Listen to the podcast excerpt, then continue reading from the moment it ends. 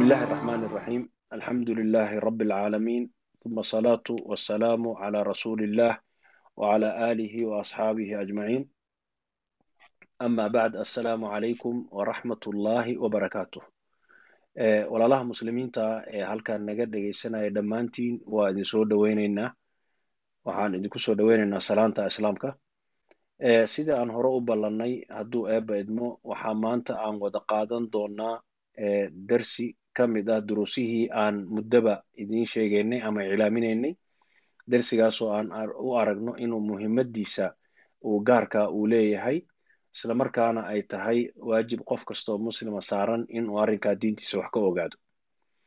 Waxaa maalmahan dhagaheenna ku batay oo aada loo wad wadaa waxa loo yaqaan atajdiid addiini ama cusboonaysiinta diinta. Marka insha allah horta intaanan u gudagelin dersiga oo cinwaanka guud ee maanta aan dul wareegeyna ay tahay islaamku cusboonaysiin nooceebuu u baahan yahay.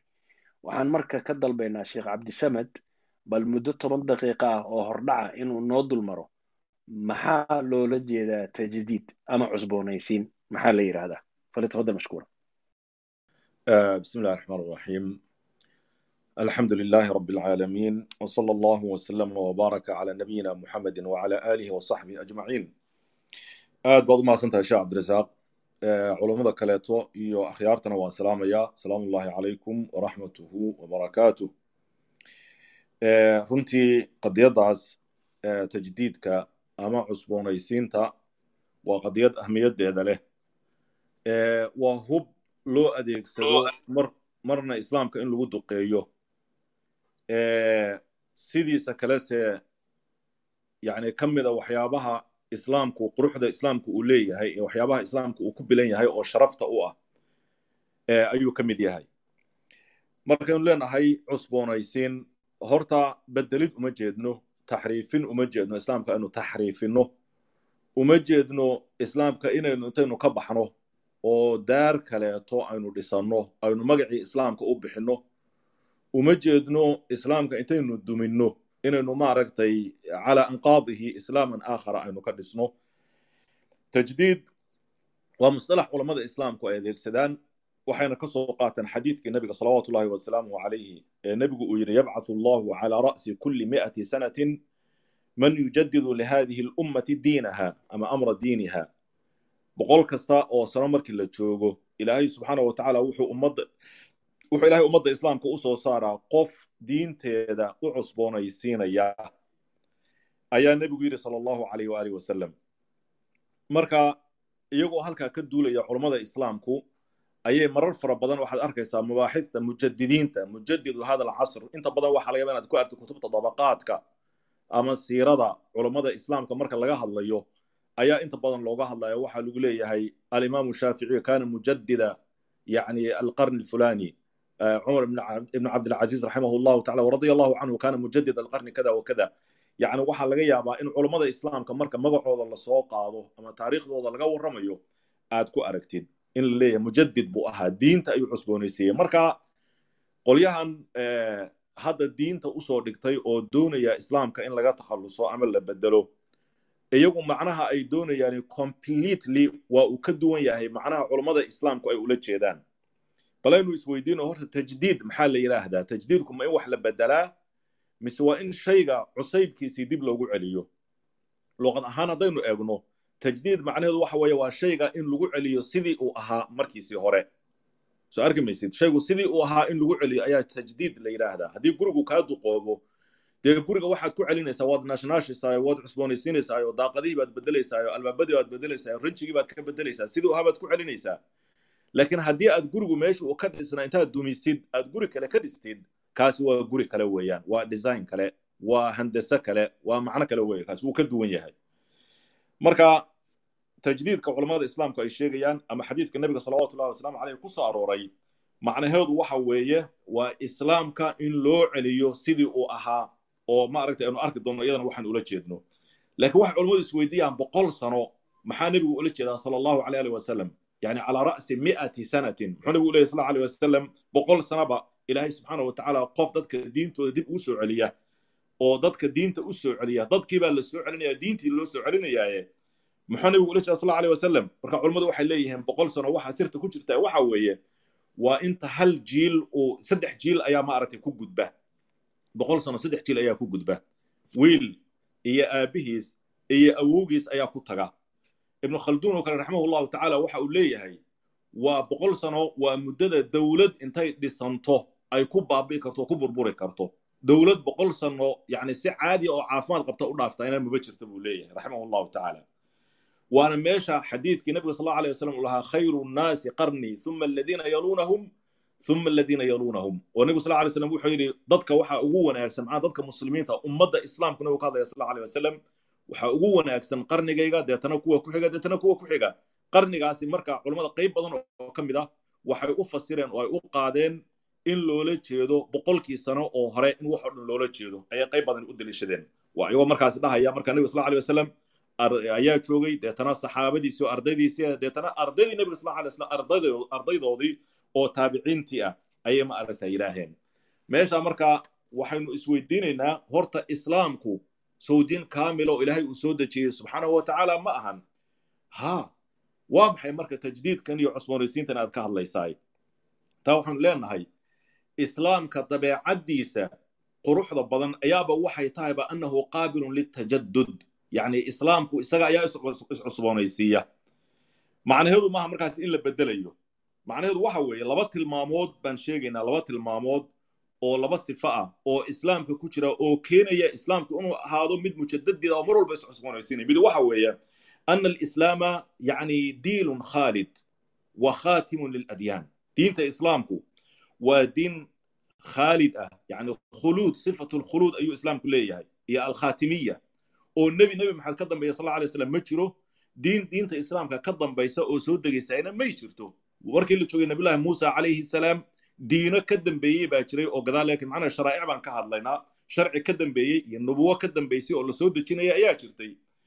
Nabiyullahi ciisa calayhi salaam markii la joogay nebi ka dambeeye baa jira oo ku bishaaraynayey oo ummaddu wixii ay khaldeen dib u saxayey wayadacu canhum israhum alaglaal alatii kaanat calayhim oo diintooda dib ugu soo celinaya tawxiidkii naasic aha dib u soo celinayey laakiin nebi maxamed sala allahu alay alay slam markii la soo saaray nebi ka dambeeyahay ma jiro risaaladiisa risaalo ka dambaysaana ma jirto. Saasa ilahi wuxuu leeyahy subxaana wa tacala maa kaana muxamedun aba axadi min rijaalikum walaakin rasuula allahi wa khaatama annabiyiin nebi maxamed sal alay wasalam waa rasuulkii ilaahay iyo nebiyada oo dhan kii lagu soo afjaray oo nebi ka dambeeya aanu jirin. Isagaaba nebigu sal ly slam wuxuu leeyahay wa ana khaatamu nnabiyiina laa nebiya bacdi anugu waxaan ahay nebigii nebiyada ugu dambeeyey oo nebi iga dambeeyaahi ma jiro. Soo arki maysid? Marka nebiga sal alay wasalam ilaahay subxaana wa tacaala diinta u soo dhibay waa diin loogu talagalay weligeed inay sidaa u jirto. Alyawma akmaltu lakum diinakum wa atmamtu calaykum nicmatii wa radiitu lakum alislaama diinan. Marka diinta islaamku sidaa ay ku tahay nebi maxamed sala allahu aleyh ali wasalam loogu soo dejiyey ayay waxay tahay diintii khaatimka ahayd ee ugu dambaysay ee diin ka dambaysay aanay jirin. Ma duugoobayso ma dhammaanayso maxaan ku rahdaa isma beddelayso laga yeeli mayo cidna inay beddesho sidaa ilahay subxana wa tacala ugu talagalay weeyaan. Tilmaanta labaad oo islaamka ku jirta marka taas waxay keenaysaa waxay keenaysaa maadaama waaqicu isbeddelayo maadaama dadku marna diinta u ka fogaanayaan marna ay ku soo dhowaanayaan maadaama marka qaarkood dadka jahli uu diinta kaga sugnaanayo in marka diinta ay ahaato revival inay mar walba samayso oo mar walba diintu wax soo cusboonaanaya ay noqoto oo dadkii ma aragta iyadoo fresh ah mar walba diintii islaamka ay ku dheganaanayaan haddii kaleeto habaaska iyo iyo boorkaa fuuli lahaa diinta islaamka waxay noqon lahayd wax laga tegay oo gaboobay bay ahaan lahayd. Laakiin ilaahay subxaana wa tacaala taa kama dhigin. La'annahu waa diin khaalid ah. Diin ka dambaysaay ma jirto. Sidaa darteed waxaa khasab ah marka diinta islaamku inay ahaato mid waaqica la soconaysa oo mar walba maaragtay wixii ku soo dariya ama ciddii jahli ku soo darta ama waxaan islaamka ka mid ahayn u soo dhowaysa in laga weeciyaa khasab bay noqonaysaa tilmaanta labaadoo islaamka uu leeyahay oo keenaysa inuu ahaado diin mutajadid ah waxa weeye waa diin shaamil ah oo ilaahay subxaana wa tacaala ugu talagalay jawaanibta nolosha bani aadamka oo dhan ilaahay ugu talagalay subxaana wa tacaala. Waa diin caam ah oo ilaahay subxaana wa tacaala cabra azamaani walmakaan ilahay ugu talagalay oo ummadaha islaam ummadaha oo dhan adduunka jooga inay soo galaan loogu yeerayo oo laga doonayo weeyaan. Halkaa markaynu marayno qaar baa ku imanaya waxay ku odhanayaan maya islaamka seebaa loogu soo dadka dadka alaska jooga iyo dadka jaban jooga iyo dadka maxaa china jooga ma nebi maxamed baa loo soo diray isku luqadba maahee bay ku odhanayaan soo arki maysid waa jahli iyo kufri ishuwan weeye arrintaas xaqiiqatan yani qofka aamina nebi maxamed sala allahu caleyh wasalam risaaladiisa in cid ka bixi karta oo iska noolaan karta oo diintooda haysan karta ay jirto arrintaa culammada islaamku ijmaacan way isku waafaqsan yihiin inuu qofku ku gaaloobayo waxa hadduu aamino oo diinta islaamka uu bannaanka uga baxayo. Marka shumuulkaasi marka wuxuu keenayaa iyo cumuumkaasi in diinta islaamku mar walba ay ahaato diin taagan oo sideedii ah oo wax walba oo habaasa oo ku dhaca laga fujiyo oo maaragtay halkaa lagu hayo. Marka waxaynu uga jeednahay waa maxay? Su'aashaas ee su'aashii tooska ay weydiisay sheekh. Waa maxay? Waxaynu uga jeedno tajdiidka maxaynu ka wadnaa? Maxaase xadidaya maxayse lagu kala garanayaa ma aragtay dadkani waxan ay sheegayaan kaleeto oo diinta doonaya inay bedelaan ama tabdiilka iyo diinta in cusaybkeeda lagu hayo maxaynu ku kala garanaynaa. Waxa weeye saddex arrimood ama saddex mexwar ama saddex jaanib ayaa waxa islaamku culamada islaamka ay u yaqaaniin tajdiidku saddex arrimood buu ka hadlaa. Mid waxa weeyaan in diinta islaamka wixii qarsoomay oo dadka jahli uu kaga sugnaaday ama macaalimtii iyo cilmigii diinta wixii qarsoomay oo dadku ay aqoon waayeen in dib loo soo ifiyo oo dib loo baro dadka oo dadka maaragta lagu soo celiyo. Macnaa ixyaau maa khafiya wandarasa min macaalim alislaam diinta islaamka haddii masalan dadka qaarkood ay xijaabka ka tagaan ama dadka qaarkood salaadii ay maaragtay aqoon waayaan ama dadku ay cilmigii baran waayaan ama sidaasoo kaleeto in dadka diintii la baro oo cilmigii la faafiyo oo cilmigii la soo nooleeyo. Waana meesha uu ka duuliyo alimaam alghazali raximah allahu tacaala markuu qorayay kitaabkiisa ixyaau culuumi ddiin. Ixyaau culuumi ddiin macnaha diin cusub miyuu dhisay? Waa may. Wuxuu revival garaynayey diintii islaamka oo aynu haysanay ayuu dadka barayey oo culumteedii buu soo bandhigayay biluqati alcasr. Casrigaa markaa la joogay luqadiisii uu ku soo bandhigayey dhinaca saddexaadna wuxuu noqonayaa in aynu wax allaale iyo wixii la damco diinta in la soo dhexgeliyo oo lainoo soo huluuliyo oo diinta la soo dhexgeliyo in laga saaro waa muxdathaadkii iyo maaragtay taxriifka diinta la taxriifinayo in laga ilaaliyo iyo wax allaaliyo wixii ku dhaga in laga celiyo iyo axaadiidta mawduuca iyo israa'iiliyaadka iyo ummadaha kaleeto waxa ka imaanaya oo waafidkaayo diinta soo dhexgelaya in laga saaro. Taasina waa qodob. Qodobka saddexaad oo tajdiidka soo hosgelaya waxa weeye waa in diinta islaamka waaqica lagu tabaqo oo waaqica lagu fuliyo oo macnaheedu uu yahay haddii masalan dadka waxyaabo cusube ay ku yimaadaan oo aan awal jiri jirin waktigii waxyigu uu soo degayay waxyaabo aan jirin hadday maanta yimaadaan in la yidhaaho markaasi waayahay waxaa la fiirinaya culammada islaamku inay ijtihaadaan oo ay fiiriyaan sida islaamku uu uga jawaabay arrinta iyada ah. Soo arki maysid islaamku wuxuu kaga jawaabay ayaa marka marka waa meesha ay ka imaanayaan madaahibta islaamku meesha ka imaanayaan weeyaan iyo majaamicda fiqigaay oo maanta waktigan hadda aynu joogno aynu adeegsano oo ka ijtihaada waxyaabaha cusub oo soo darriyey waxyaabaha yani marata transactionno cusub baa imaanaya waxyaaba siyaasado cusub baa imaanaya waxyaaba cilmi cusub baa imaanaya science cusub baa imaanaya waxaasoo dhan qof baa qof lagu beerayaa calooshiisa lagu beeraya maxaa islaamku ka qabaa? Macnaha ma waxaanu joogaynaa markaasi meeshii hore kama hadlayno miya mise waxaa la eegayaa ma aragtay diinta islaamka iyo meesha arrintaas ay ka soo gelayso iyo waxa islaamka qawaaciddiisu ay ka qabtaa la eegayaa taa marka sidaas bay noqonaysaa. Marka runtii qofka tajdiidka yani sheegaya inuu diinta islaamka cusboonaysiinaya waa dadka culummada ah weeyaan oo mujadidiinta oo mujtahidiinta oo aqoonta diinta leh oo looga markhaati kacay. Shuruudeeda hadday suurto gashana insha allahu tacala ay culummada islaamka kaga hadleenna waxbaynu ka tilmaami doonaa insha allahu tacaala. Laakiin bisifatin caamatin tajdiidka laga hadlayo waxa weeyaan waa in qofku uu thawaabidda iyo qadciyaadka islaamka uu ilaaliyo. Marnaba aanu ka bixin. Marna qofka uma bannaana wax xaaraam ahaa inuu xalaaleeyo. Wax xalaal ahaa inuu xaaraameeyo qawaaciddii islaamka inuu bedelo qur'aankii inuu bedelo xadiidkii nabi sal inuu ka tago waxyaabahaas o dhan wax meesha soo geli kara ma ahanba meeshaba ma yaalinba. Waxaa iyaduna sidaas oo kaleeta in qofku ijmaaci ummadda islaamka iyo dadka muslimiintu waxay isku waafaqeen cabra alcusuur wixii dadka muslimiinta isku soo waafaqayeen inuu ka dhex baxo oo ka boodo ilah muslimiintu way khaldanaayeen oo anaa saxaya iyaduna wax suuragal ah ahan midda saddexaadina waxa weeyaan qofku inuu ilaaliyo nebiga sala allahu calay ali wasalam sidii islaamka uu u tabaqay saxaabadu siday diinta islaamka u fahmeen salafkii ummaddana diinta islaamka siday u fahmeen oo ay u qaateen in la ilaaliyo oon la odhan way khaldanaayeen oo anaa maanta saxaya inaan la odhanin marka runtii waa mawduuc aad iyo aad u caam ah oo aad iyo aad maaragtay dee waasico oo atraaf badan leh. Wayna fiican tahay insha allahu tacaala mar kale jawaanib kaleeto oo ka a maaragtay aynu dul istaagno. Laakiin ka muqadima intaas baan runtii ka oran karaa mawduucaasi hadda.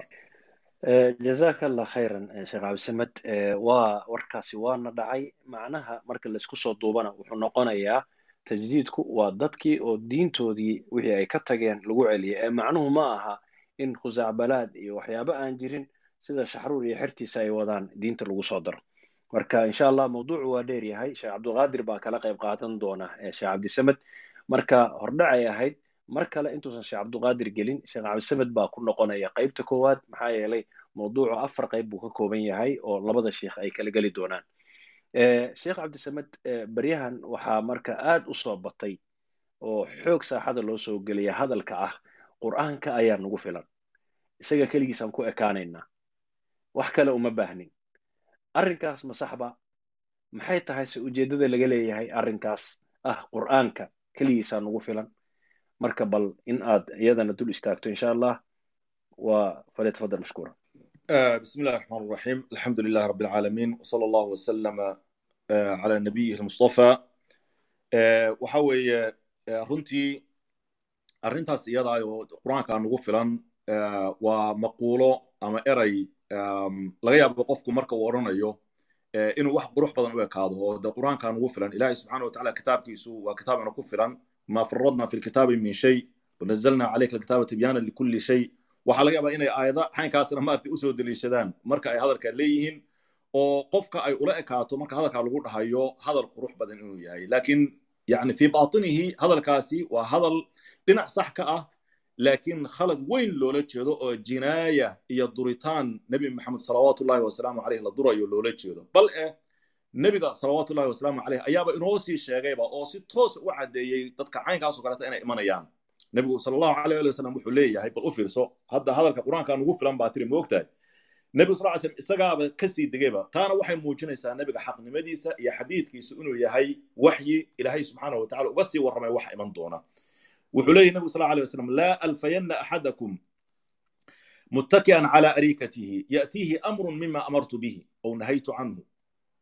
Yacni yaanan la kulmin buu leeyahay mid idinkeeda ka mid ah oo kursi jiifkiisa ku fadhiya ama soofaha ama kursiga ma aragtay kuraasta lagu raaxaysta loola jeeda ku fadhiya oo dangiga oo macnaha iska raaxaysanaya oo dharagsan shabcaana sida xadiid kale ku soo aroortay. Amar marka anigu aan jideeyey ama wax anigu aan nahiyey oo aan diday uu u imaanayo. Markaasuu leeyahay qaala rasuulullahi sal alay slam kada wa baa lagu dhahaya ama nahaa rasuulullahi sal allahu alay slam can kada wa baa ninkaa lagu odhanayaa moogtahay isagoo dangiiga oo sidaa u fadhiya.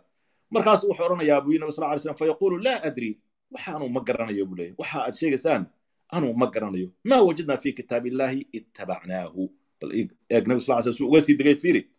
Markaasu wuxuu ku andacoonaya oo odhanaya wixii kitaabka ilaahay aanu ka helno waanu qaadanaynaa. Laakiin waxaan adigu aad sheegaysid niyow garan mayo inuu ku yidhaahdo baa laga yaabaa.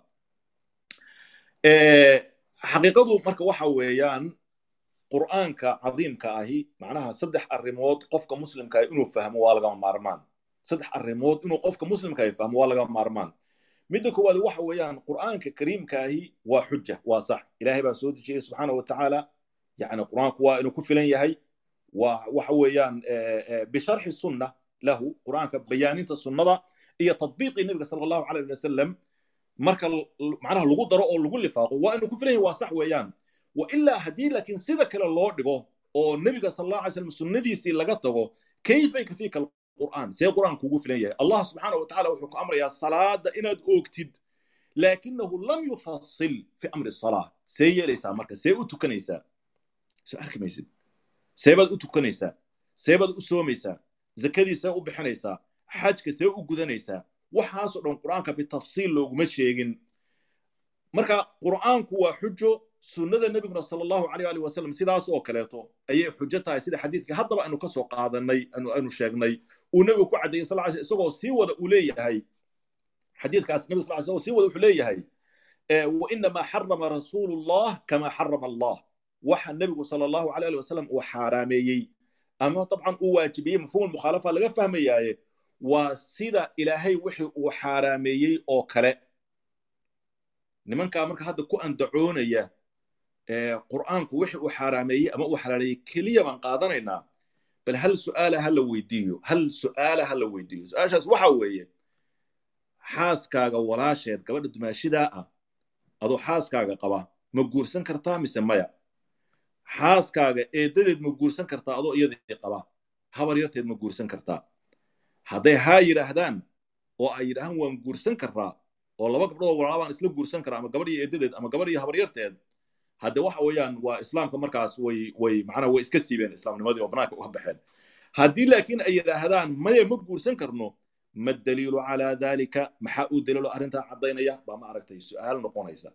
Arrintaasi marka walaalayaal waxa weeye nebiga salawatullahi wasalaamu caleyh waxa uu jidaynayahay waa wax ilaahay subxaanahu watacaala u waxyooday. Liannahu ilahay baa wuxuu leeyahy subxaanahu watacaala wamaa yantiqu can ilhawa in huwa ilaa waxyun yuuxa. Yacni waxa nebigu uu ku hadlayo sala allahu alay alih wasalam ma ahan hawadiisa inuu kaga hadlayo ee waa waxyi ilaahay subxaanahu watacaala ku soo dejiyey. Waxaa laga yaabaa inay soo boodaan oo yidhahdaan maya qur'aankaa loo jeedaa in huwa yani in ilqur'aanu ilaa waxyun yuuxa.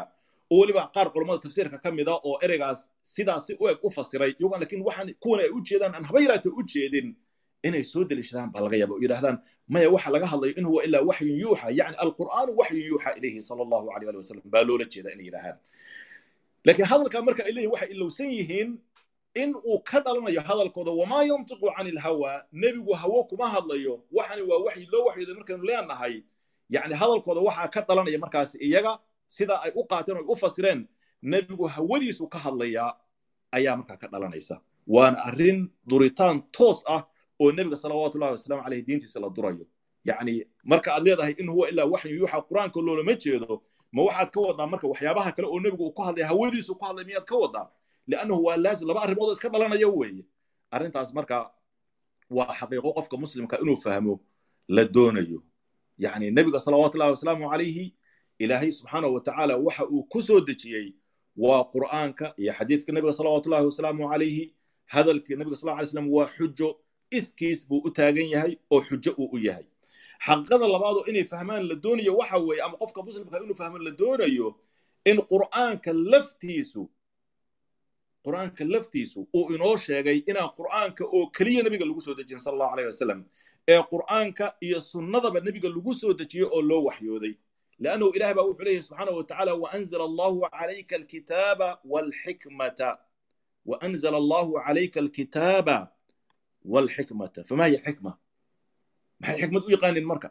Xikmaddu waa sunnada nebiga sal allahu aleyh wasalam yani ayadda waxaanu istoosan uga fahmaynaa kitaabka qur'aankana waa lagugu soo dejiyey nebi maxamedow.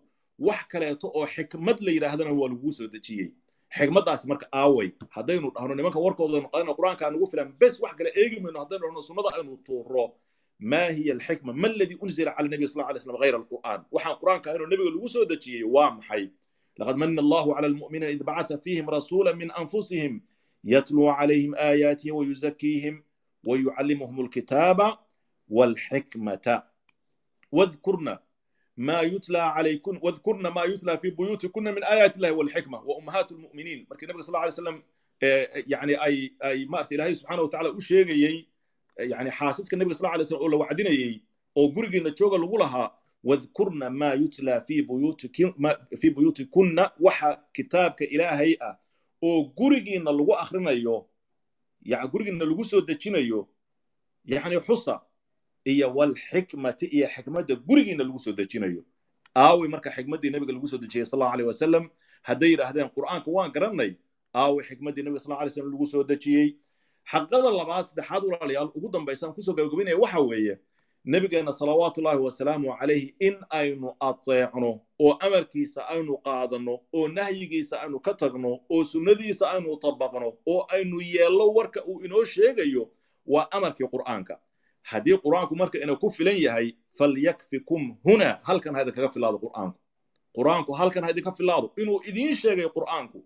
Nebiga warkiisa inaad fulisaan oo aad qaadataan maxaa taa uga tegaysaan marka haddii qur'aanku idinku filan yahay ilaahay baa subxaanahu wa tacaala intaas oo siyood wuxuu inoo ku sheegay wuxuu inoo ku sheegay nabiga sal ly amarkiisa inaynu qaadano waxaa ka mid a masalan si toosa ilaahay subxaanahu watacala inuu noo amray inaynu nabiga ateecno qul atiicu llaha warasuul ilaahay ateeca rasuulkana ateeca. Fain tawallow hadday ka jeestaan oo ay diidaan nabiga taacadiisa sal aleyh wasalam iyo ilaahay taacadiisa faina allaha laa yuxibu lkaafiriin meesha marka kufri baa lagu sheegay. Su'aalkiisa waaqiimu salaata waatu zakaata wa atiicu rasuul. Rasuulkana yeela uu u hogaansama ilahay leeyahy subxaanahu wa tacaala.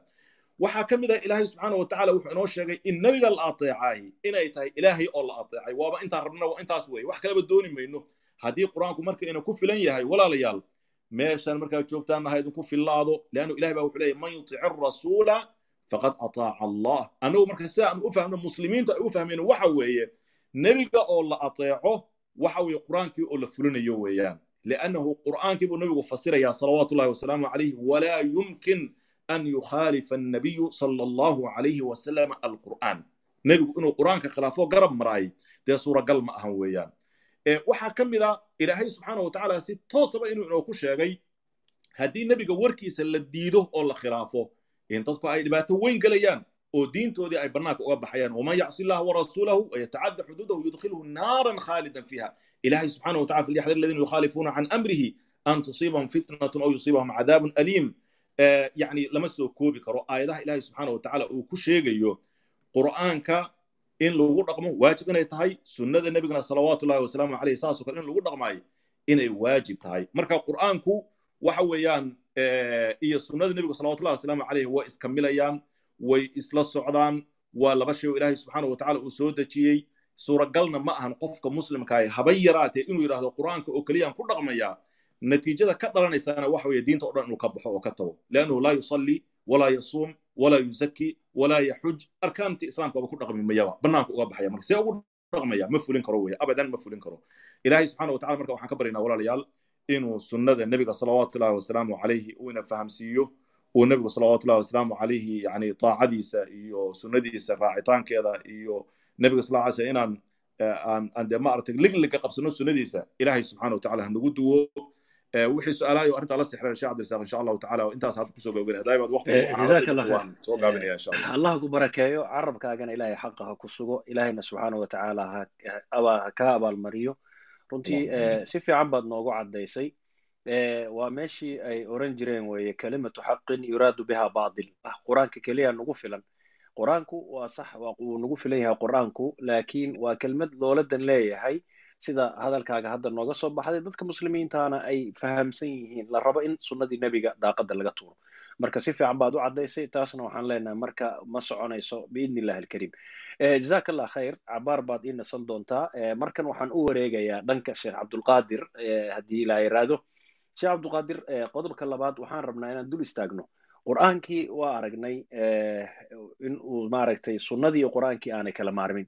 Laakiin mushkilo kalaa soo baxday oo nimankan hadda shaxruuriyiinta la yidhaahdo oo shaxruur uu hogaaminayo ay maaragtay maaragtay ay wadaan.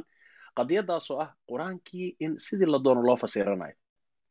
Waxaan maanta mar aan dersi diyaarinaya aan arkay runtii clip aad aan ula yaabay oo wasaabiquu ilaa makfiratin min rabbikum wajannatin carduhaa ka cardi samaa jannadii iyo naar buu yidhi ma jirto marka su u diido wuxuu ku leeyahay cardigaas waxa waaye waa bandhig waaye ma aha maaragtay ballaciyo lagama wado waa bandhig waaye marka janiya naar ma jirto qur'aanka marka see loo fasiraya ma sidii la doonaa loo fasiranayaa mise waxaa jirta wadooyin la raacayo qur'aanka marka la tafsiirayo oo qofka uusan ka leexan karin si marka aan u kala fahamno wixii khalada iyo wixii saxa falyatafadal mashkuur jazaaka allah kheer sheekh cabdirasaaq waa mahadsan tahay arrintii si fiican waxaa u kala dhigidhigay sheekh cabdisamed isagana ilaahi subxaana wa tacaala kheyra ka siiyo. Mar haddii aanu fahanay sunnada nebiga caleyhi salaatu wassalaam iyo qur'aanku inay aysan kala maarmin oo ay isku xiran yihiin waxaa muhiima inaan mas'aladan aan ayadana u guda galno bismi illahi raxmaan iraxiim alxamdu lilahi rabbi alcaalamiin wsala allahu wasalam calaa sayidina maxamed wcala aalihi wasaxbihi wasalam qur'aanka tafsiirkiisa horta marka ugu horeysa culummada muslimiintu way ka hadleen oo si fiican bay uga hadleen sida qur'aanka loo fasirayo. Marka ugu horeyso culummada muslimiinta ilaa waktigii saxaabada iyo salafka ilaa casri tadwiin markii kutubta la qoray oo culummada mujtahidiinta waaweyn oo madaahibtale ay soo baxeen waxay aad iyo aad u kala dhigdhigeen. Waxa la yidhaahdo masaadir talaqi. Qofka muslimka xagee buu ka qaadanayaa diintiisa diinta markaa qaadanaysa waa inay jirtaa si aad u qaadatid marka culummadu way tafsiiliyeen way kala dhigdhigeen. Imaam shaafici raxmatullahi caleyh haba ugu horeeyo kitaabkiisii alrisaala iyo kitaabkiisi alum masaa-ishan ijtihaadka iyo aqwaasha sida loo kala hormarinayo iyo sida loo kala rajaxayo loo kala saarayo hadday loo arko inay iska hor imaadaan wuu kala saaray. Si fiican bayna culammadu u kala dhigdhigeen marka marka ugu horeysa annagu haddaan muslimiin nahay diinteenna masaadirta aan ka qaadanayno qur'aanka ayaa ugu horreeya siduu sheekh cabdisamed sheegay qur'aanka marka marka ugu horeysa in qur'aanka ilaahi subxaana wa laga qaato wixii axkaam oo qofka muslimka u baahan yahay. Qur'aankuna culummadu way qeexeen qeexitaankiisa si cad bay u qeexeen. Waa kalaamka ilaahi subxaana wa oo ilaahay uu soo dejiyey waxyi ahaan oo nebigiisa ugu soo dejiyey. Almutacabadu bitilaawatihi almanquulu ilayna bitawatur oo tilaawadiisana nalagu cibaadaysanaya oo dadku inay cibaado ka dhigtaan loo baneeyey. Tawaturna nagu soo gaaray. Tawaturkana waa mas'alo aan u malaynayo dadku inay in badan fahamsan yihiin. Waa mas'alo lagu darso cilmiga la yidhaahdo cilmi alxadiid ama mustalax alxadiid la yidhaahdo waa mas'alo dadka soo wariyey waa inay ka bataan cadad oo caqliga uu diidaya inay been isku waafaqaan. Cadadkaas marka hadba in baa la gaarsiiyaa ilaa toddobaatan iyo meelahaas baa la gaarsiiyaa inay dabaqadiiba noqdaan meelaha qaarkood marka taasi liskuma khilaafsano ummadda islaamka iskuma khilaafsano qur'aanka ilaahi subxaana watacaala inuu maxfuud yahay oo uu ilaahay ka xifdiyey tabdiil iyo taxriif iskuma khilaafsano ilaahi subxaana watacaala ayaa sheegay inaa naxnu nazalna dikra wa lahu laxaafiduun tan labaad waxay tahay sunnada nebiga calayhi salatu slam siduu sheekh cabdisamad noo sheegay oo xigmaddii ilaahi subxana watacaala qur'aankiisa uu ku sheegay waa masdarka labaad oo qofka muslimka la rabo inuu qaato marka uu wax fasirayo ama diintii horta fahmayo marka maadaama sunnada nebiga calayhi salatu salam waxay u qeybsan tahay oo culummadu ay u qeybiyeen wixii nebiga calayhi salatu salam ka sugnaado oo qowl iyo ficil iyo taqriir hadal uu ku hadlay ama fal asaga uu sameeyey ama wax hortiisa lagu sameeyey oo uu qiray taasna waxay noqonaysaa sunnada nebiga calayhi salatu salam maadaama marka ilaahi subxaana watacaala uu yidhi wamaa yantiqu can ilhawa in huwa ilaa waxyun yuuxa waa la qaadanaya iyadana waxaa loo qaadanayaa in lagu fahmo kitaabka ilaahi subxaana watacaala maxaa yeele nebiga calayhi salatu salam waxa ilaahay uu soo dejiyey qur'aanka. Ilahay markuu noo sheegay wuxuu yidhi waxaa qur'aanka loogu soo dejiyey litubayina linnaasi maa nuzila ilayhim si aad dadka ugu caddaysid qur'aanka loo soo dejiyey. Marka nebigu asaga ayaa bayaaninaya bayaanka marka waa in nebiga calayhi salaatu wasalaam laga qaataa kadib waxaa soo haray ijmaaci ijmaaca marka culummadu markay ijmaaca ka hadlayeen waxay yidhaahdeen waa mujtahidiinta casriga jooga oo muslimiinta oo ummadda nebi maxamed calayhi salatu wasalaam arrin xukum sharciya oo isku waafaqeen. Xukunka sharciga isku waafaqeen mujtahidiinta. Mujtahid marka qofku markuu rabo inuu qofku horta uu qur'aanka fasiro ama uu diintii fasiro waa inuu mujtahid gaara markaasuu tafsiir baan samaynaya odhan karaa haddii uusan mujtahid gaarin waa inuu tafaasiirtii culummada horeeta iyo waxay yidhaahdeen uu qaataa oo uu soo naqliyaa taas waa midda culummada maxaa marka ijmaacii culummadu waxay yidhaahdeen ijmaaca ilaahi subxaana watacaala qur'aankiisa noogu sheegay? Nebiga calayhi salatu salam axaadiistiisu noogu sheegay. Nebiga ilaahi subxaana watacaala wuxuu yidhi waman yushaqiq arasuula min bacdi ma tabayana lahu lhuda wayattabic gayra sabiili lmu'miniin nuwallihi ma tawalla wanuslihi jahannama wasacad masiira. Qofkii khilaafa nebiga calayhi salatu salam markuu hanuunka u caddaaday kabacdi oo waddadii muslimiinta wadda aan ahayn raaca mu'miniinta waddadooda wadda aan raaca ahayn raaca. Wixii uu asaga weli ka dhigtay oo uu jeclaaday oo uu u gargaaray ama gargaar ka dalbaday baanu raacinaynaa buu ilaahay jahannamana wuu gelayaa marka itibaac sabiili lmu'miniin maadaama laga cabiray arrinkaas waa arrin aad iyo aad u weyn wey maxaa yeele itibaac in waddadii muslimiinta keyrkeed uu raaco muslimiinta markaas noolaa oo laga hadlayana waa dadkii uu ku soo degay waxyiga oo saxaabadii nebiga calayhi salatu salaam ahaa marka waxa aan caqliga gelaynin in saxaabadii nebiga calayhi salatu salam say qur'aanka u fasireen laga leexdo maadaama ayaga ay joogeen fi casri tanziil ayaga uu ku soo degay oo mu'miniinta ilaahay uu tilmaamayo waktigaa joogan ay ayaga ahaayeen. Dariiqoodii marka qofkii khilaafa oo weliba dariiqii ay mareen oo ay ku dhaqmeen oo kitaabka ilaahi subxaana watacaala ay u fasireen iyo sunnada nebiga oo ay u fahmeen xalaasha iyo xaaraanta uu qur'aanka sheegayo sunnada. Dariiq aan hayn qofkii qaada qofkaasi waa qof lu go'ay oo dariiqii muslimiinta iyo mu'miniinta ka leexday. Sida aayadda qur'aanka ay sheegaysa culummadu ay caddayen imaam shaafici masaladaas markuu sheegayey wuxuu u xujaystay imaam shaafici wuxuu u xujaystay mas'aladaas inay tahay masaa-isha ijmaaca yaqiiniga mutaxaqiqa loo xujaysto. Ijmaaca inuu dhab yahay masaa-isha loo xujaysto ayay ka mid tahay. Dee nebigana calayhi salaatu wasalaam xadiiskiisii saxiixa waa kan ku in ummatii ina ummatii laa tajtamicu calaa dalaala. Ummadayda dalaala isuma waafaqayso waxaas oo dhan markaan isu geyno qofka muslimka marka uu rabo inuu waxbaan fasiraya leeyahay waa horta inuu ka dhaqaaqaa meesha ay culummada muslimiinta ka dhaqaaqeen oo uu masaadirta talaqiga ay waadix u tahay. Waa inuusan asagu wax cusub iska keensanin oo dariiq cusub uusan asaga jeexanin. Sidaa daraaddeed waa inuu thawaabidii iyo qatciyaadkii wixii sugnaa iyo wixii culummada islaamka iyo saxaabadii ay sugeen oo qatciyaatu diin waa inuusan khilaafin oo uusan dhihin wax cusubo ijtihaad cusuba waxaan la imaanaya khilaafsan salaadin lama tukan karo soonkii lama soomi karo khamrigii waa la cabi kara waxyaalihii qatciyaadka ahaa oo dee culimmada islaamka isku waafaqeen oo loo yaqaano macluum min addiini bidaruura qof khilaafaya oo waa inuusan la imaan midda kaleeto waxa uu qofka fasirayo waa qur'aan ilaahi subxaana watacaala qur'aanka ilaahay nusuus lagu fasiraa jira nusuustii iyo waxoo dhan maxay ku qoran yihiin luqad waa inuu luqadda carabiga si fiican u yaqaanaa oo luqadda carabiga uu si mutabaxira ku yahay oo fahmaya qawaaciddeedii loo dejiyey oo dhan. Uusan ahayn nin kitaabkan soo akhristay ama kitaabkan soo tarjamay oo loo soo laqbeeyey laakiin luqadda carabiga waa inuu yaqaanaa luqadda carabigana culuumul carabiya ilaa sita cashar cilmi baa la gaarsiiyaa. Qofka mujtahidka noqonayana waa laga rabaa inuu culumtaas oo dhan barto oo u yaqaano. Waxyaalaha ugu dhibka badan oo firaqa ay ka aasaasmeen waktigii saxaabada ay joogeen iyo waktigii ka dambeeyeba dadka firaqa ahaa oo soo saaray afkaarta cusub sida qadariyada iyo kaleeto murji'ada oo kaleeto marka u laabatid bilowgoodii wuxuu ka bilowday faham khaldan oo luqadii iyo xataa khawaarijta faham khaldan oo luqadii carabiga si khaldan intii loo fahmay si khaldan qofkii uu u fasirtay ayay ka bilaabatay. Walidaalika ayuu imaam alawsaaci wuxuu leeyahay markuu ka hadlayay nimankii qadariyada wuxuu yidhi awalu man nataqa bilqadar qofkii ugu horreeyey oo ku hadla qadariye warkeeda kaana rajula min ahli lciraaq yuqaalu lahu sawsan. Nin reer ciraaq oo sawsan la yidhaahdo u ahaa kaana nasraaniyan fa aslam. Nasraani buu ahaa waa islaamay uma tanasara. Haddana wuu ka laabtay diintii wixiibu intuu ku wareeray qadartan iyo wixii uu fahmi waayey wuu ka laabtay. Waxaa ka qaatay isaga fikirkiisii marka nin la yidhaahdo macbad ibnu juhani ayaa fikirkiisii qaatay oo muslimiinta ku dhex faafiyey. Maxaa yeelay fahamkii si daqiiqa uma aqoon.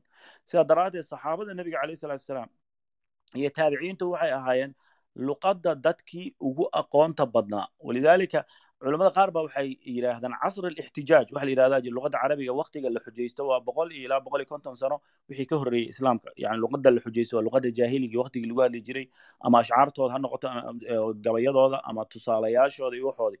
Laakiin dad ba waxay soo geliyaan luqadda casr alixtijaaj ina waqtiga saxaabada xataa ay soo gelaysa maxaa yeele luqadda ay ku hadlayeen waxay ahayd luqad carabiya oo fahamkeeda aad iyo aad u xeeldheeriya saxaabada iyo taabiciinta. Marka fahamkooda luqadda wuu ka xeel dheer yahay fahamka dadka kaleeto sidaa daraaddeed ayaa qofka waxaa la rabaa inuu iyaga fahamkoodii uusan ka leexanin. Maxaa yeeley iyaga ayaana qaarkood joogay waktiguu soo degayey luqaddii uu ku soo degayena kaa fahmid ogaa. Sidaa daraaddeed waa inaadan dhihin aniga maanta anoo ama dhakhtare ama engineer sida shaxruur oo kaleeto baan fasiraya luqadda carabi shaxruur haddaad dhegaysatay isagoo af carabi ku hadlaaya ama aayad qur'aan akrinaya waxa waaye waa waxaad waxaad is leedahay dhulka dhulka amuu kula go'a yani sidaad uga naxaysa marka qofkaasoo kaleeto qofka u malaynaya inuu mufakir yahay oo wax ka qaadanaya waa qof aad iyo aad xaaladiisa ay u qaldan tahay oo raba un bes inuun islaamkii uu iskaga fogaado ama uu dadka wax kaleeto u sheega uu ku marmarsiyoodo doonayo weeye. Marka taas fahamkii maadaama luqaddii ay shardi u tahay culummada islaamku aad bay xoogga u saareen. Walidaalika imaam shaafici baad arkaysaa baadiyaha qabiilata hudayl intuu dhex galay dhowr iyo toban sano ku dhex jiray si uu uga barto luqadda keliya. Isagoo carabi ahaa oo qurayshi ahaa oo yani nebi bini cabdimanaaf ahaa inuu haddana qabiil hudayl la yidhaahdo oo baadiyaha maka iyo taayif dhexdeeda degay intuu dhex galo uu ku soo barto luqadda macnaheeda waxay tahay fahamka uu fahamsanaa waxa uu baranayo waxa ay u baahan yihiin oo ugu horreeya inay tahay luqadda. Sidaa daraaddeed iyo ibnu cabbaas saxaabigii jaliilka ahaa radia allahu canhuma markii uu khawaarijta loo diray inuu la doodo oo u tago oo uu u tegey waxa ugu horreysay uu kala hadlay waxay ka mid ahay waxaa ka mid ahaa ji'tukum min cindi asxaabi rasuulillahi sala allahu alayhi wasalam walaysa fiikum minhum axad saxaabadii nebigan ka imid idinkana idinkuma jira qof saxaabi saxaabadii nebiga ka mid ah. Wa min cindi ibni cammi rasuulillahi wa calayhim nazala alqur'aan wa hum aclamu bita'wiilihi ayaguu qur'aanku ku soo degay fasirkiisina iyagaa idinka badiya meesha uu ka bilaabay waxay ku tusaysaa waa meel aad iyo aad daqiiqa u ah fasirka qur'aanka xataa carruurtoodii iyo dadka iyaga ka dambeeyey ayaga ayaa marjic u noqonaya waa inay iyaga u noqdaan sidaa daraaddeed ibnu cabbaas markii uu aayadihii iyo adiladii iyo waxay haysteen shubahaadkii uu tusay in badan oo ka mid a khawaarijtii watay soo raaceen oo ay ka soo noqdeen oo ibnu cabbaas hadalkiisa ku qanceen waxaasoo dhan marka waxay caddaynayaan qur'aanku fasirkiisu inuu u baahan yahay culuum badan oo markii dambena culummadu dee qawaacid bay u dejiyeen oo cilmiga tafsiirka iyo cilmi qawaacid tafsiir iyo iyo usulu tafsiir. Culumtaas oo dhan waxa weeye waa qaabkii loo fahmayey qofka markuu rabo kitaabka ilaahi subxaana wa tacaala inuu fahmo oo uusan qof walba iska gelaynin kitaabka ilaahi subxaana wa tacaala. Sidaa daraaddeed ayaa muhiim ay tahay qofku inuu barto qawaaciddaas iyo usuushaas ay culummada muslimiinta dejiyeen.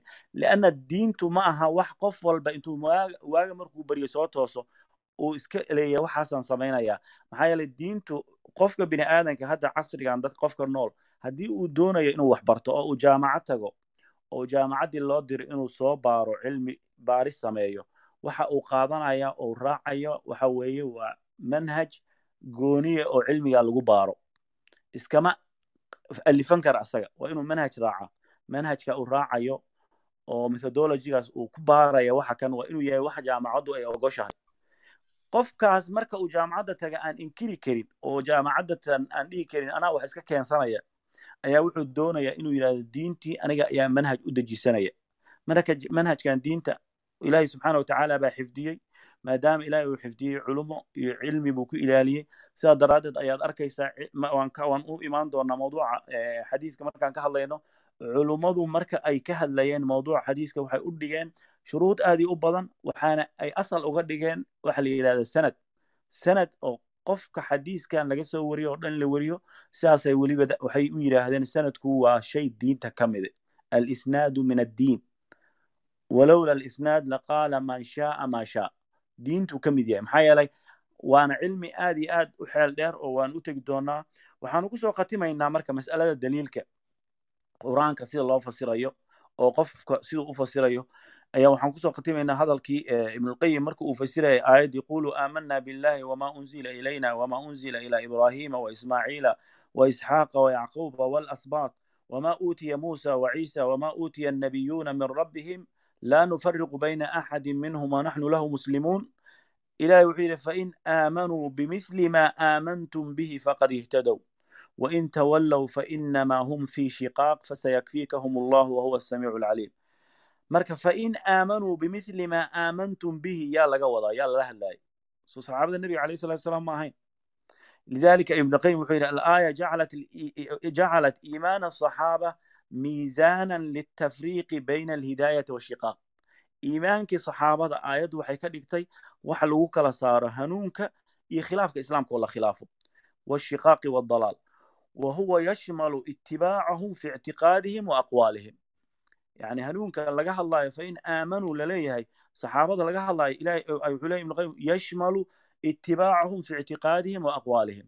In lagu raaco saxaabada fahamkoodii caqiidada say u fahmeen iyo aqwaashoodii ayaga laga soo wariyaba in lagu raaco ayaddu caddaynaysa. Maxaa yeele ilaahay subxaana wa tacaala markuu ka soo hadlay iimaankii ummadihii horeeto ay rumeeyeen oo dhan iyo ambiyadii ayuu wuxuu yidhi fain aamanuu ahlkitaabki bimithli ma aamantum bihi faqad ihtadow wain tawallow fainamaa hum fii shiqaaq. Marka hadday ka leexdaan fahamkii saxaabada waa dalaal iyo baadi bay ku jiraan. Qof baa hadhowta wuxuu dhihi doonaa intuu yimaado maya hadda ilaahay subxaana watacaala dadka maaha qabyaalad iyo ma kale ahe dadku waa u siman yahayo. Waxyaale aan cilmiga caqliga iyo cilmiga waafaqsanayn sheegi doono. Marka aayaddaasi waxay daliil cad u tahay saxaabada sida loo raacayo iyo itibaaca siduu waajib u yahay. Walidalika wuxuu leeyahy ibnu qayim itibaacu saxaabat itibaacu saxaabati fi liimaan huwa manaatu alhidaayati walcaasi min ashiqaaqi waddalaal in iimaanka saxaabada lagu raaco waa waxa qofka ka badbaadinaya baadinimada. Baadinimada qofka ka badbaadinaya weeye sidaas daraaddeed waxaa qofka loo baahan yahay inuu manhajka qur'aanka uu ku fasirayo uu noqdo manhajkii saxaabada nebiga alay sala slam iyo taabiciintii iyo culummadii muslimiinta oo quruntii uu nebigu ku sheegay khayru nnaasi qarnii uma aladiina yalunahum uma aladiina yalunahum ay dejiyeen.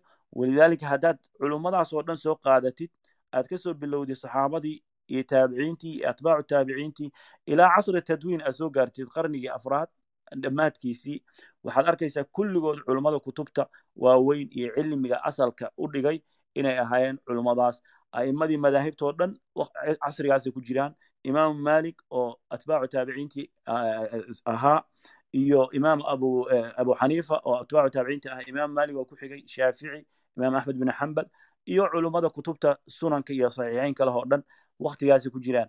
Cilmigoodii oo dhan wuxuu ku kooban yahay in nebiga calayh salatu wasalaam la raaco ijmaacu saxaaba waxay isku ijmaacaan saxaabadan raaco wixii saxaabada isku khilaafaanne in had iyo goor la kala rajaxo oo adilada loo celiyo ayay isku waafaqsan yihiin. Haddii ijmaacooda u jireen meel looga leexda ma laha. Sidaa daraaddeed tafsiirka qur'aanka ama tafsiirka diintu wuxuu u baahan yahay cilmi iyo iyo dariiqi saxda ah oo la raaco. Qof aan cilmi lahayn dariiqii saxdaan aan raacin hadduu yidhahdo tafsiir diineed baan la imaanayaa wuxuu la imaan doonaa waxyaalo badan oo kawaarise oo aan arki doonno insha allahu tacaala aan tilmaami doonno hadallada ay ku hadlaayaan shaxruur iyo dadka la eh aan gadaal ka tilmaami doonno marka intaasaan ku soo gabagabaynayaa su'aashii ugu horreysay sheekh cabdirasaaq waa mahadsan tahay. Jazaaka allah khayr jazaaka allah khayr sheekh cabdiqaadir sida qiimaha badan ee aad u kala dhigdhigtay runtii waa hadal aad u mug weyn. Macnaheedu waxa weeye qofka yidhaahda qur'aanka saan doonaan u fasiranaya waxa uu noqonayaa ninkii loo bixiyo oo kale xaatibu leyl ee habeenkii xaabada soo gurtay. Markaasi inuu mas iyo halaq iyo iyo maaragtay xaabo intaba isku soo darsado waxba kama duwana marka. Haddii qofku marka uu ka leexdo waddadaas la jeexay macnaheedu waxa weeye in aysan waxba u kordhinaynin. Waa tahay intaasaan kaga gudbaynaa waxaan weli ku dhex jirnaa barnaamijkii caawa aan ugu magac darnay islaamku cusboonaysiin nooce ah ayuu u baahan yahay. Maxaa yeelay beryahan waxaa aad dhagaheena loogu shubshubay in islaamka la cusboonaysiinayo in halkan maaragta wax cusub lagu soo dari doono iyo waxa lamidka ah. Waxaan isla soo meel dhignay laba qodob oo ku saabsanaa. Qodobkii koowaad ahaa qur'aanka ma nagu filan yahay. Waxaan ogaanay maya arrinkaasi oo qur'aanka naguma filna. Haddii aan sunnada nebiga aan lagu daraynin ma kala maarmaan. Waxaan kaloo iyadana hadda isla soo meel dhignay see loo fasirayaa qur'aanka. Waa tahay dadkan marka hadda diinta duulaanka ku ah ee raba in ay ka leexiyaan wadadeedii saxda ahayd kuma aanay ekaan keliya in ay qur'aanka isku dayaan inay baalasha ka riftaan. Laakiin xitaa waxay xagxagteen sunnadii nebiga calayhi salaam. Sunnadii waa kala qaadeen. Markii u socon weyday inaan sunnada laga maarmaynin ayay waddo kala jeexeen oo waxay leeyihiin sunnada nebiga calayhi salaam kulligeed sharci ma aha daliil ma aha qaar waxaa jira la qaadan karo qaar laga tegi karo. Waxaan rabnaa marka inaan hadda ogaano warkaas maxaa ka jira? Asal ahaanse xukunka sunnada muxuu noqonayaa sheekh caysamed ayaan mar kale leeyahay falyatafadal mashkuuran. Bismi illahi raxmaan raxiim alxamdu lilah rabi alcaalamiin wsala allahu wslam wbaaraka calaa nabiyina muxamedin waaalihi wasaxbihi ajmaciin. Aad baad u mahadsantahay sheekh cabdirasaaq sheekh cabdilqaadirna aad baan ugu mahad celinayaa sida waadixa ee bayinka ee maaragtay um, aad aad maaragtay su'aalihi aad weydiisay uga jawaabay. Jazahu llahu khayran wabaarak allahu fiihi wanafacna bicilmih waxa weeye su'aashaas sheekh cabdirasaaqow sunnada nebiga calayhi asalaatu wassalaam iyo qaybaheeda runtii waa meelaha ay ka kalluumaystaan. Qolyahan maaragtay hadda aynu ishayno ama diinta islaamka runtii doonaya inay beddelaan oo ususkii cilmiga ahaa oo islaamka uu ku dhisnaa doonaya iyagoon cilmi lahayn. Bal waxaa yaab leh horta may cilmi soo bartaan. Ma ogtahay iyagoon cilmi lahayn oo cilmigaan aqoon u lahayn? Ayay waxay doonayaan inay cilmigii islaamka ay beddelaan. Mushkiladda ugu weyna waxaan u malaynayaa inay tahay aqoon darrada. Inay tahay baan u malaynaya leannahu qofku nin culammadii salafka ka mid ah wiilkiisa wuxuu ku odhan jiray aabo cilmiga aad baranaysa hadda xadiidku ninkaasi jeclaa? Marka wuxuu odhan jiray xadiidkan aan baro culumta kale oo dhanna wax ka baro buu odhan jiray. Leanna waxaan ka baqayaa haddii aanad baranin inaad col la noqotid baan ka baqayaa. Lianna almar'a caduwa maa jahil. Soo arki maysid. Calayka waatuuna odhan jiray maxaan ku dhahaa cali bn abi talib radi allahu tacaala canhu ayaa laga sheegaa wakullu wakullu wuxuu odhan jiray hadalkiisa waxaa ka mid ahaa allahu mustacaan gadaal baan ka xusuusan doonaa insha allahu tacaala laba beyd oo waxaa jira aad u qurux badan oo maarata uu kaga hadlayo dadka ahlucilmiga inay maarata waljaahiluuna liahli lcilmi acdaa'u taasaa ku jirtay macnaha oo dambe cajziga beydka u ahaa waljaahiluuna liahli lcilmi acdaa'u yacni dadka jaahiliinta oo aqoonta aan lahayni had iyo goor waxay col leeyihiin oo ay cuqdad u qabaan oo dhibaata ay ka haysataa dadka ahlucilmiga ah iyo cilmiga laftiisaba leannu cilmigii ma hayaan marka waxay isku dayayaan inay jahliga iyagu ay ku sugan yihiin inay cilmi u ekaysiiyaan oo ay qawaacid u sameeyaan marka meelaha ay ka kalluumaystaan ama ay maaragtay isku dayaan inay wax ka bedelaan oo wax ka kharibaan ba waxaa ka mid ah sunnada nebiga sala allahu calayh waalihi wasalam inay yidhaahaan waxyaabaha ay yidhaahdeen ka mid ah macnaa waxyaaba badan bay sunnada ka sheegeen oo dee waaba kuwa diidanba gebigeedaba laakiin si ay u marsadaan oo meel ay uga soo galaan ay u helaan bay mararka qaarkood waxay ku leeyihiin. Nebigu sala allahu calayh wasalam yani sunnadiisu kulligeed waxyi ma ahan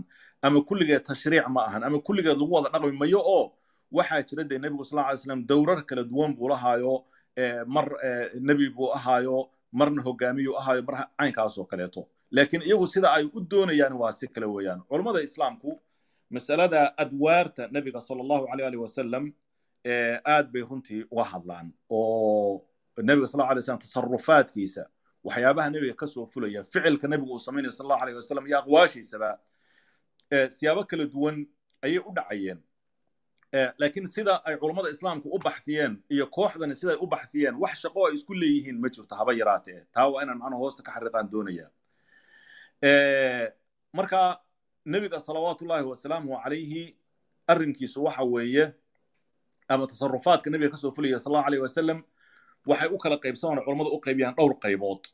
Dhowr qaybood bay u qaybiyaan. Waxaa ka mid a tasarufaad ama yani dhaqan nabiga sal sl waxyaabaha ka fulaya ficilka ama qowlka ama waxa tasaruf macnaha kelmaddaasa raba inaan jilciyo waa waxa nebiga sal slam uu samaynayo nebigu sal alay slam ama xaalka uu ku sugan yahay waxaa loo qaybiya dhowr qaybood waxaa ka mid ah tasarufaat jibiliya yani waxyaabo nebiga sal slam basharnimadiisa bini aadamnimadiisa uu u samaynayey inuu nebigu istaagay sal alay wasalam inuu fariisanayey inuu wax cunayey inuu wax cabayey inuu seexanayey inuu guursanayey waxyaabahaaso dhan waa waxyaabo bini aadamnimadiisu ay keenayso qul inamaa ana basharu milukum yani bashar idinkoo kale ah baan ahay idinkoo kale bini aadam baan ahay. Laakiin idinkoo kale iyagoo halkaasay ku ekaadaan nimankani oo yani yuuxa ilaya anama ilaahukum ilaahun waaxid waxyiga ayay maaragtay ay meesha ka saaraan iyagu markay maaragtay meelo kale ka duulayaan. Waxa weye marka nebigu salawaatullahi wasalaamu calayhi waxyaabo fara badan oo waxaa jiray bini aadamnimadiisu nebiga sal alay wasalam basharnimadiisu ay keenaysay. Waxyaabaha noocaas oo kaleeta marka way jiraan. Taas waa qodob waxaa kale oo ka mid a nebiga sal ly slam afcaashiisa ama tasarufaadkiisa waxaa ka mid a waxyaabo caadi ah oo caadadii markaasi meesha ka jirtay ay keenaysay oo nebigu salawatullahi wasalaamu calayhi dee wuxuu isticmaalay dad buu la noolaa wuxuu isticmaalayay wixii ay isticmaalayeen weelkii ay isticmaalayeen gogashii ay isticmaalayeen dharkii ay gashanayeen iyo hugii ay isticmaalayeen.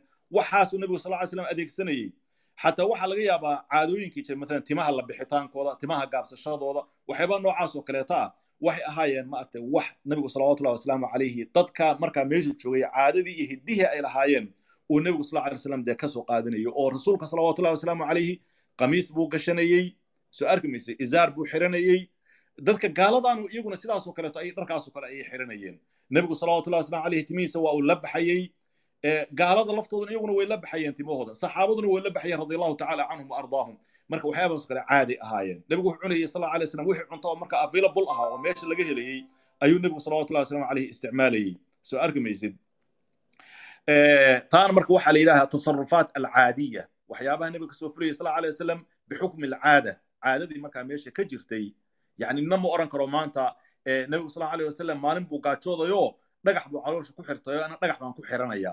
Ama nebigu sal slam maalin buu seexdayo wuxuu ku seexday darin. Marka darin baan ku seexanaya nebigu sal alay wasalam waxyaabaha noocaas oo kaleeta maxaa caadiya weeyaan oo nebiga sal alay wasalam caadooyinkii meesha ka jiray oo dhaqankii caadiga ah ee bulshadii uu ku noolaa nebigu sal alay wasalam ay samaynayeen iyo wixii available ahaa markaa yaalay weelka iyo waxa la mid ah iyaduna waa wax caadiya oo maaragtay jiray weeyaan. Waxaa kale oo jira markaas nebiga sal tasarufaadkiisa ka mid ah tasarufaat tashriiciya tasaruf nebigu sal ly slam wax inuu jideeyo oo waxyi uu ugu talagalay ilaahay uu ku soo dejiyey ah oo wax inuu ku jideeyo loogu talagalay nabigu sal allahu alayh wasalam saluu kamaa ra'aytumuunii usallii buu nabigu ku sal alay wasalam khuduu canii manaasikakum buu ku nabigu sal allahu wasalam soo arki maysid wixii nabigu sal ly slam wixii aan idan faray sameeya waxaan idinka reebay ka fogaada ayuu nabigu leeyahy sal allahu wasalam waxyaabaha noocaasoo oo kaleeto ana marka waxay ahaayeen tashriic waana meesha ay ma aragtay afcaasha nebiga sal allahu wasalam iyo sunnada nebiga inoo soo wariyey meesha maaragtay ay tahay weeyaan. Haddaan dib wax yar ugu noqdo meeshii caadada oo kaleeto iyo waxyaabaha jibilliga ah iyo nabiga sal sl inuu seexday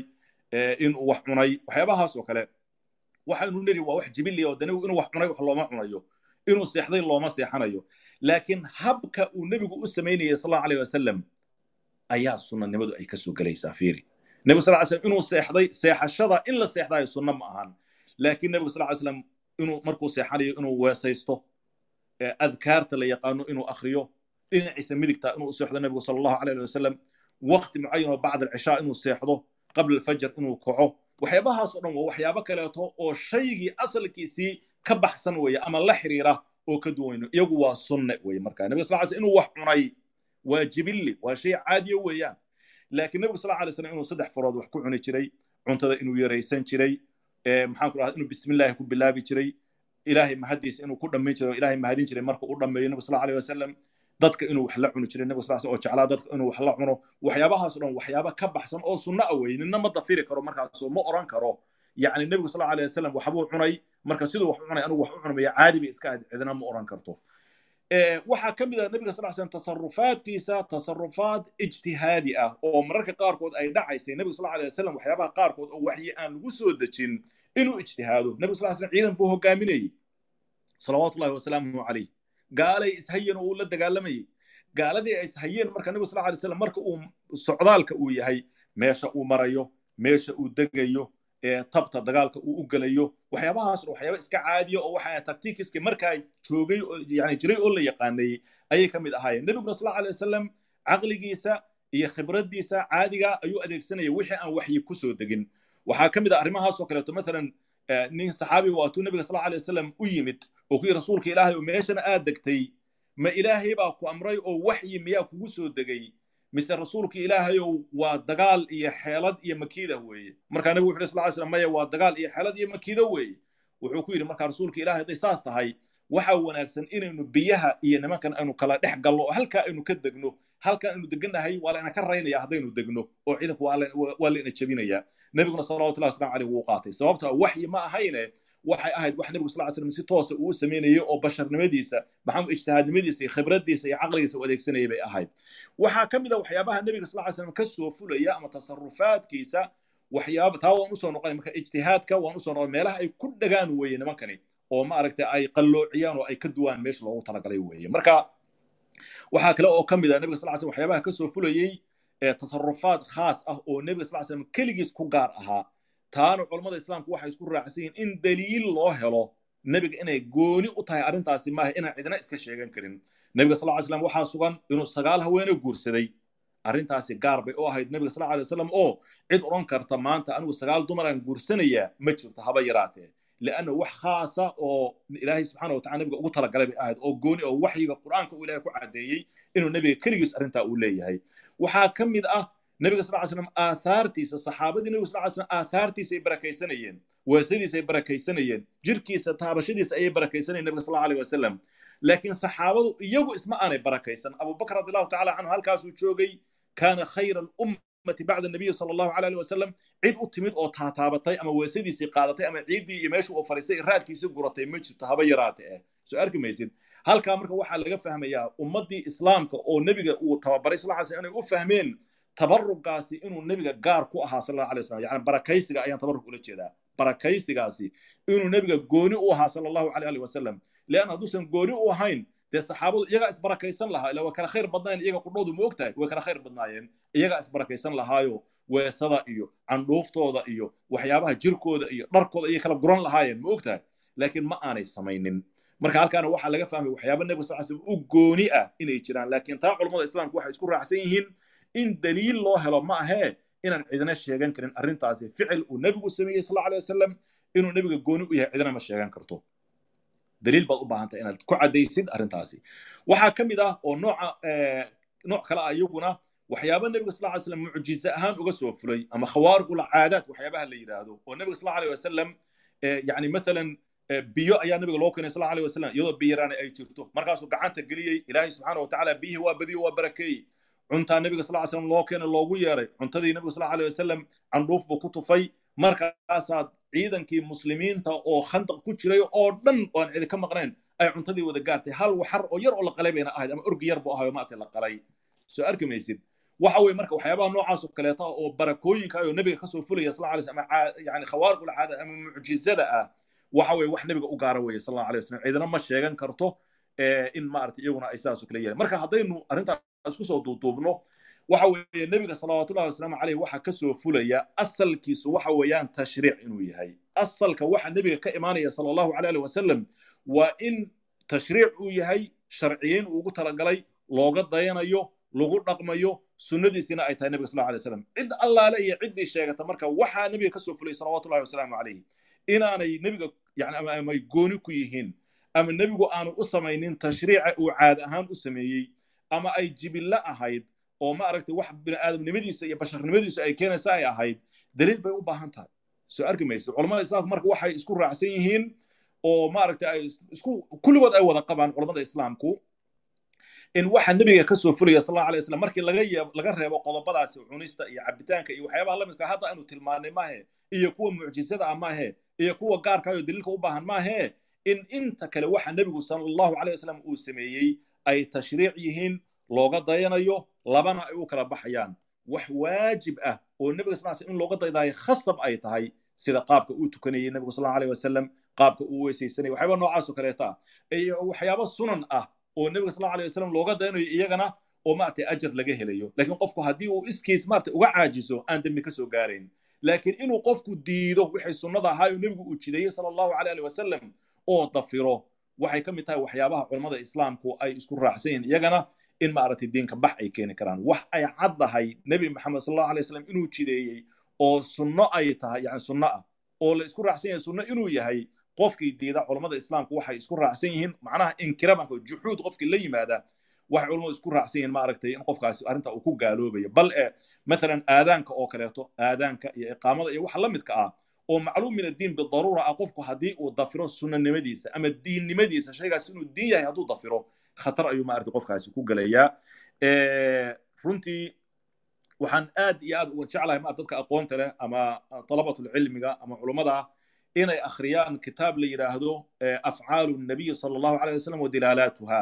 maxamed bin sulaymaan alashqar kitaabkaas kitaab la mid ah ee u malaynayo maaragtay in la qoray oo baabkaa laga qorayo. Kitaab laba mujallad ah taqriiban weeyaan oo aad iyo aad u qiimo badan aad iyo aad u qiimo badan oo sunnada nebiga sal allahu alay wasalam anwaacdeeda shubuhaadka dadkana ay keensanayaan iyo sida looga jawaabayo yani ilaa soddon sano ka hor baan umanaya taqriiban inay ahayd. Xilliga uu qoray haddaanay afartan sanaba ahayn taqriiban ayay ahayd markii uu qoray raximah allahu tacaala waana kitaab runtii aad iyo aad u qiimo badan. Kitaabkaasaan jeclan lahaa maarata inaan rifeer gareeyo oo dadka dhalinyarada inay maarata akhriyaan aan maaragtay kula talinayaa. Si haba yaraatee maaragtay ishkaal aanu u soo gelin sunnada nebiga salawaatu llahi wasalaamuhu calayh marka hadalka iyo khulaasadiisu waxa weeye nebiga salawaatullahi wasalaamu calayhi waxyaabaha tashriicayo nebigu uu sameeyey oo jidaynta uu sameeyey waynu ku khasbannahay inaynu ku raacno nebiga sal alay wasalam ama sunno ha noqdeen ama waajib ha noqdo waxaa nebiga inu uga daynanahay sala allahu alay ali wasalam waxaa kuu soo haray qodobka ijtihaadka nebiga sala allahu alay ali wasalam waxyaaba nebigu uu ku ijtihaaday oo markaa waxyi aanu ku soo degin.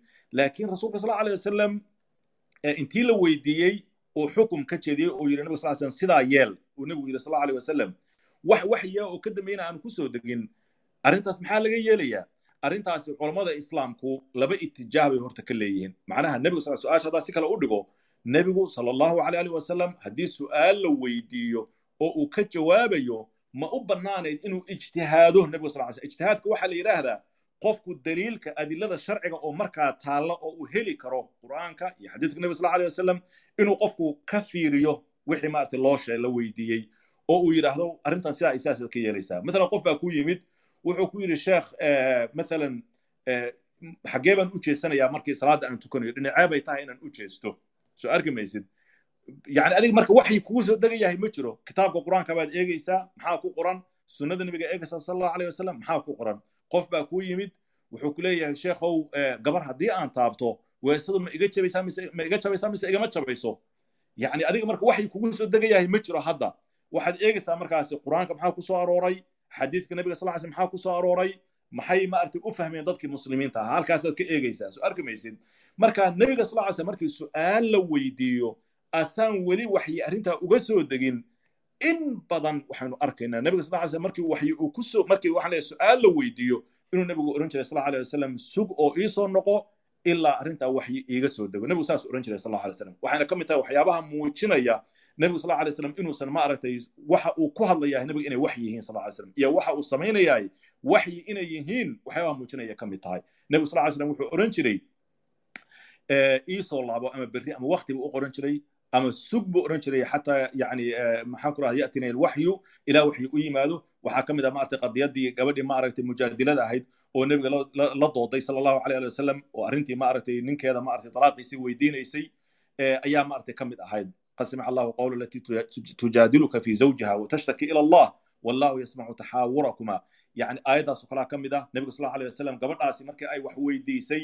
nebigu sal slam su'aaluu weydiiyey arrintii buu nebigu sal slam inuu bayaansado wax ka weydiiyey waxbuu ku celceliyey nebigu sal alay wasalam ilaa marka dambe uu ku yidhi nebigu sal slam bal sug ilaahay subxana taala waxyi inuu kugu soo dejiyo waxaa ka mid a qadiyadii licaanka ka mid ah waa badan yihiin qadiyada aad iyo aad u tiro badan nebigu sal alay wasalam isagoo aan markii la weydiiyey waxyi aan haynin wax uu kaga jawaabana aan haynin wuxuu odhan jiray saxaabadii ciddii weydiisay wuxuu odhan jiray suga ilaa ilaahay subxaana wa tacaala arrintaasi uu ma aragtay wax ka yidhaaho.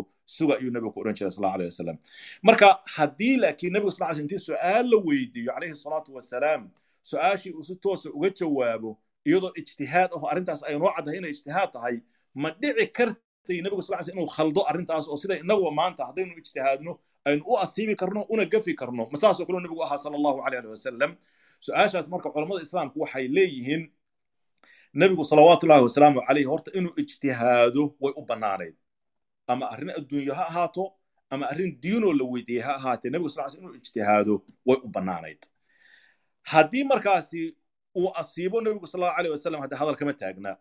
Haddii laakiin nebiga sal alay wasalam sidii uu yidhi ay wax ka soo noqonayaan ama sidii ilaahay subxaana wa tacaala uu xukumay aanay ahayn ilaahay subxaana wa tacaala waxyi buu ku soo dejinayay uu ku saxayo arrintaasi. Soo arki maysid waxaa ka mid a maaragtay ninkii saxaabiga ahayo nebiga u yimid sala allahu aleyh alih wasalam ee rasuulka weydi rasuulka ilaahayow haddii aan intaan dagaalkaa galo jihaadkaas intaan galo la igu dilo aan ku dhinto jannada miyaan gelayaa? Oo ma la ii dhaafayaa dembigaygii oo dhan ma la ii dhaafayaa bay ahayd. Marka uu nebigu ku yidhi sal alay slam nacam waa lagu dhaafayaa markii uu tagay xoogaa sii socday ayuu nebigu sal slam u yeeray igu yeeray igu nabi sal alay wasalam waa loo yeeray. Markaas wuxuu nabi sal slam ila dayn daynka ma ahe daynkii mar walba waa lagaa rabaa. Isagaa laguma cafinayo ayuu ku yidhi nebigu sal alay wasalam markaasaa nebigu sal slam wuxuu ku daray oo yidhi hadda ayaa la ii waxyooday ayuu nebigu ku daray sala allahu aleyh alih wasalam marka culummada islaamku waxa ay leeyihiin oo ay qabaan in haddii nebiga salawaatullahi wasalaamu calayhi uu ijtihaado yacni cisma ayuu haystaa nebigu sal alay wasalam inaan ilaahay subxaana wa tacaala ku iqraarin oo aanu ku sugaynin ilaahay subxaana wa oo u daynaynin wixii nebigu sala allahu aleyh wasalam markaasi uu ku gafay haddiiba ay dhacdaba macnaha macnaha wax hadda la oran karo maarta arrintaasaa dhacdo nebigu sal slam ku gafay ma aha laakiin haddiiba ay dhac nebigu sal la ijtihaad marka lagu leeyahay laba sibaa kuu furan soo arki maysid laba arrimood baa kuu furan ama inaad wixii asiibtid ama inaadan asiibin waa labadaa weeyaan marka qaar culammada ka mid waxayba qabaanba wax kasta oo nebigu uu ku ijtihaaday sawaabta ayuu haleelayey qaar kaleetana waxay qabaan may sawaabta inuu haleelaya marka hore khasab ma ahayn. Laakiin in lagu sugo oo sidaa loo daayo oo waxyi aanu ku soo degin aanu sixin arrintii ayaa ma aragtay waxay ahayd mustaxiil ahayd. Marka nebiga sal ly slam wax allaale iyo wixii ina ka soo gaaray nebiga sal alay slam nihaayatul qowl waxa weeye wax allaale iyo wixii nebiga ficil ah ama qowl ah oo ina ka soo gaaray rasuulka sala allahu aleyh wasalam ama ijtihaadkiisa ha noqdo ama waxyi toosa uu leeyahay qaala allahu kada wa ha ahaadee oo xadiid qudsiya iyo wax la mid ha ahaado ama waxaasaa ilaahaydan amray ha ahaadee yacni waxa weeye waa diin weeye waynu ku dhaqmaynaa yacni suuragal ma aha nebigu sal intuu khaldamo khaladkii ilaahay inuu u daayo waxyi ku soo degay aanu jirin oo aan la sixin arrintaasi suuragal ma ahan waxay tahay ma aragtay waxa la yidhahda waa tacn fi nubuwa wa fi cismati nabiyi sala allahu aleyh ali wasalam ayay noqonaysaa waxaan u malaynayaa sheekh waa ku dheeraa sheekh cabdirasaaq ow raalligelin baan idinka siinayaa. Culammada akhyaarta oo kalena runtii raalligelin baan ka siinayaa sababtoo ah mawduuca in la mushaarakeeyo oo maaragtay dhinacyo badan laga istaago ayay ahayd. Laakiin runtii qodobkaa sunnada ayaa ma aragtay nimankani ay aad u qalqalloociyaan oo meelo fara badan maaragtay ay farta geliyaan. Halkaasaa marka waxaan jeclaa maaragtay arrintaa inaan yara bayaaniyo maaragtay nabiga sal alay wasalam tasarufaadkiisa iyo afcaasha nabiga ka soo fulaysa sala allahu aleyh ali wasalam yacni qaybaha ay u qaybsamayaan ayaan maaragtay aad u jeclaa maaragtay inaan yara iftiimiyo ama aan caddeeyo. Waxaynuna ku soo aynu maaragtay ka dhignay oo aynu ku soo khulaasaynaynaa tasarufaadka nebiga sal ly iyo waxyaabaha nebiga sal ly ka soo fulaya nooc tasarruf jibilli ah oo bini aadamnimadiisu ay keenayso nabiga sal ly slam inuu wax cunay nebiga sal alay wasalam diin ma ah inuu wax cunay laakiin qaabku wax u cunay iyo wixii uu yiri ayaa ma aragtay diin noqonaya waxyaabaha tasarufaadka caadiga ah oo caadooyinkii markaasi jiray nabiga sal dhar qutn ah ama waxa la suuf ah baan leeyahay. Mathalan inuu nebigu gashan jiray sal aleyh wasalam kaba nooc mucayana inuu nebigu qaadan jiray calayhi salaatu wasalaam dee wixii markaa yaalay ahay inuusan nabigu sal sl miis wax ku cuni jiray dhulka wax ku cuni jiray inuu faraha ku cunay qaado aanu ku cunin. Waxyaabahaas o dhan macnaha sidooda ugama dhigayaan maxaan ku rahdaa diin macnaha gooni ahoo loo qaadanayo diin ahaan ma ahan. Laakiin waa caadadii markaa taallay weeyaan. Meeshana ka saari mayso maxaan ku rahdaa in sifooyinka ku xeeran ay diin yihiin. Oo nebigu sal alay slam qaabka wax uu cunay saddex farood inuu wax ku cunay bisinka inuu waxyaabaha saan haddaa tilmaamaynay iyaduna maarata waa taas wey marka caadadu waxyaabaha caadadaahina waxay ka mid ahayn tasarufaadka nebiga sal ly slam tasarufaadka tashriicigaa soo raaca oo wax uu nebigu sal ly slam jidaynayo uu leeyahay salluu kamaa ra'aytumuni usalli khuduu canii manaasikakum. Nebigu sal slam usaa leeyahay.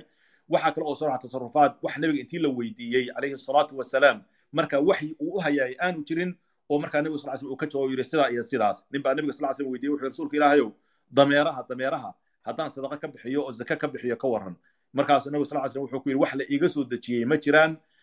Ilaa inay noqoto aayadda qur'aanka ahayd oo ahayd waman yacmal mithqaala daratin khayran yarahu maahane soo arki maysid yani qofkii khayr sameeya waa helaya. Marka xataa dameerkaaga haddaad wax ka bixisid khayr waad helaysaa. Saa inuu ahaabaan umalanaya xadiidku. Waxaa kale oo maarata ka mid ah nooca shanaad tasaruf khaas nabiga ku ah sal alay slam oo cid la wadaag tahay aanay jirin sagaal dumara in la guursado oo kale mathalan iyo wax la midka ah iyo tas iyo hibe in lagu guursado dumarka ay naftooda u hibeeyaan. Waxaa kale oo ka mid ah tasarufaadka mucjizada ah oo nebi sal cid la wadaagi kartaaba aanay jirin oo keligiis uu gaarka u leeyahay nebigu calayhi salaatu wasalaam. Iyaguna waxa way tasarufaadka nabiga ka mid yahay sal alay wasalam laakiin waynu caddaynay qaybta tashriiciga iyo sida ay tahay iyo ijtihaadka nebiga sal alay wasalam iyo cidina inaanay maaragtay xaq u maanta nebiga sal alay wasalam wixii ina ka soo gaaray oo aynu ka dhaxlay rasuulka sal alay wasalam oo ficil ah ama qowl ah ama taqriir ah in maanta cidina ay khilaafto waxa uma haysato xujo uma haysato. Bal qofku waxa haddii uu sidaa yeelo oo si bareera u khilaafo nebiga sal alay wasalam inuu khilaafo ugama jeedno qofku inuu ka tago shay sunno ah ama shay waajiba uu gafo ugama jeedno. Laakiin waxaan uga jeednaa in la diido oo la dafciyo sunnadii nebiga sal slam la diida gebigeedaba arrintaasi kufrun laa maxala lahu min alicraab weeyaan jazakum allahu khayran baarak allahu fiikum jazaaka allah khayr sheekh cabdisamed mawduucaanu ku jirna caawana waa islaamku cusboonaysiin intee ah ayuu u baahan yahay mawduucaas oo ahaa mawaadiicda aadka beryahan tashwiishka loogu furay dhowr qaybood oo kala duwan ayaanu soo qaadanay qaybtii ugu dambeysaan gelaynaa jazakum allah khayr idinkoo aada u mahadsan sabirka iyo dhegeysiga waxaana ku bishaaraysataan in nebiga alai salatu salam xadiisku noogu bishaareeyey oo ahaa ma jiro qolo isugu timaaday guri meel ka mid ah goobaha ilaahay subxana watacaala iska leeyahay iyagoo diintooda baranaya ilaa naxariistii ilaahay baa ku soo degta maaragtay marka taasaan ilahay ka rajaynayna. Qaybtii ugu dambeysay kadibna su'aalaha la furi doonaa qaybtan ugu dambaysa sheekh cabdulqaadir baa iska leh. Sheekh cabdulqaadir waa aragnay qur'aankii iyo labadii qaybood aad u kala qaadateen sunnadii nebigana calayhi salaatu wassalaam. Waxaa noo kala digdiga sheekh cabdisamed khayr allaha siiyo in sunnada nebiga ay tahay sunnada rasmiga ah ama saxda ah ee la rabo qof kastoo muslima inuu qaato oo nebiga calayhi salaatu wassalaam diintiisii iyo maaragtay diintii uu noo soo diraa naloogu soo dhiiba aan diinteenna uu noo jideeyey. Nimanka marka shaxruuriyiinta iyo ragga la midka ah meel aysan fargelin ma jirto. Markii albaab laga soo oodoba mid kale ayay fargelinayaan. Marka waxyaabaha hadda ay meelaha la marmaraan ama ay daliilka ka dhigtaan waxaa ka mid ah sunnadii markii la sugay inay sharci tahay oo qofku hadduusan sunnada aqbalin maaragtay aysan uusan diintiisa aysan sax ahayn waxay leeyihiin marka sidee u aqbalaynaa xadiiska nebiga calai salatu wasalaam? Markii la weydiiyey sababtu waa maxay? Waxay yidhaahdeen diiwaangelintiisii baa dib dhacday. Rasulka sal slam waqtigiisii lama diiwaangelin ka gadaal baa la diiwaangeliyey wax lagu soo daray iyo ma naqaan wax ay ka kooban tahay ma naqaan sababta awgeed iyagoo markaa iska dhigaya dad diintii u naxaaya islamarkaana diintooda ilaashanaya in ay sunnadii oo dhan riixaan marka qodobkaas sheekh cabdulqaadir falyatafadal mashkuura بسم الله الرحمن الرحيم الحمد لله رب العالمين والعاقبة للمتقين ولا عدوان إلا على الظالمين جزاك الله خير شيخ عبد الرزاق waa runta waa shubahaadka ay isku dayaan dadka diinta ilaahay subxaanahu wa tacaala raba inay dadka ka weeciyaan inay in badan ay dadka soo hordhigaan laakiinse waxaad moodaa waxay inaysan dad aad iyo aad u kala garanaya cilmiga shareecada iyo culummada islaamka waxa ay qabteen inaysan ahayn oo dad jahli badan uu ka muuqda dadka hadalkaa ku hadlaya ay u badan yihiin. Maxaa yeelay waxay kala saari la'yihiin qoritaanka kutubta waaweyn oo islaamka ama casri tadwiin marka la yidhaahdo waktiga la qoray oo qarnigii labaad aakhirkiisa ilaa qarnigii saddexaad iyo waxa ay kala saari la'yihiin sunnada nebiga calayhi salaatu wasalaam qaabka loo xifdiyey. Marka xifdiga iyo tadwiinka kutubta in la tadwiiniyo oo baabab iyo iyo kitaabo loo kala sameeyo bay kala saari la'yihiin awalan waxaa qofka taariikhda yaqaana uu garan karaa waktigii nebiga calayhi salaatu wasalaam sida wax loo xifdin jiray. Wax xifdintu macnaheeda ma ahayn in kitaabo la alifo laakiin awalan waxaa xataa taariikhdii carabta iyo shicirkoodii gabaygoodii iyo xigmadoodii waxoo dhan maskaxda ayaa lagu wariyey waa xifdi baa lagu qaadi jiray. Saxaabada nebiga alayh salatu salam casriga yimaadeen casrigaasuu ahaa kitaabadu ama qoraalku wuu yaraa. Walidaalika ayaa waxaad arkaysaa nebiga calayhi salaatu wasalaam ghaswatu beder oo dagaalkii ugu horreeyey ahaa dadkii yimid waxyaalaha qaarkood qofkaan lacag uu isku furto haysanin gaaladii la soo qabtay wuxuu ku furtay inay dadka ciyaalka reer muslimiinta iyo qoraalka baraan. Farta inay baraan maxaa yeele farta daa aad looma aqoonin sidaa daraaddeed waxay ka saarayaan meesha qaabkii wax loo xifdin jiray kii ugu muhiimsanaa oo xifdiga ahaa. Taas waa mid koowaad. Midda labaad sunnadii way inkirsan yihiin. Haddana waxay isku dayayaan inay sunnadii u daliilsadaan in shaygan uusan ahayn shay jiray. Waxay ku leeyihiin mararka qaarkood nebigu wuu nahiyey in laga qoro xadiiska oo adigu xadiisku waaba diidan tahay maxaad kan ku yeeshay ood u qaadatay ood u tiri kan nebigaa diiday. Marka waxay ku tusaysaa inay iyaga laftigooda sida ay u shaqaynayaan inay tahay dadka inay wereeriyaan inay rabaan laakiin si cilmiye inaysan u shaqaynayn haddiiba aad sunnadii diidan tahay ood leedahay waqti dambaa la qoray sidee baad ku yeeshay xadiiskaa nebiga inuu yidhi yaan liiga qorin taas marka waa mid midda labaad nebiga calayhi salatu wasalaam yaan liiga qorin wuu yidhi. Laakiin haddana nebiga calayhi salatu wasalaam way sugan tahay inuu xadiista laga qoray oo uu saxaabada u baneeyey inay ka qoraan oo cabdullaahi ibn camr ibn caas oo kaleeto uu u baneeyey intuu nebiga alayh salatu wasalaam u tegey. Uu yidhi waa waxaa la yidhaha qorina ma qora. Markaasuu yidhi waad qori afkaygan kama soo baxaya ilaa waxaan xaq ahayn qor. Waxaa kale xajatulwadaac oo la wada ogaa ninkii nebiga calayh salatu wasalaam ka codsaday inuu loo qoro uu yidhi ha loo qoro.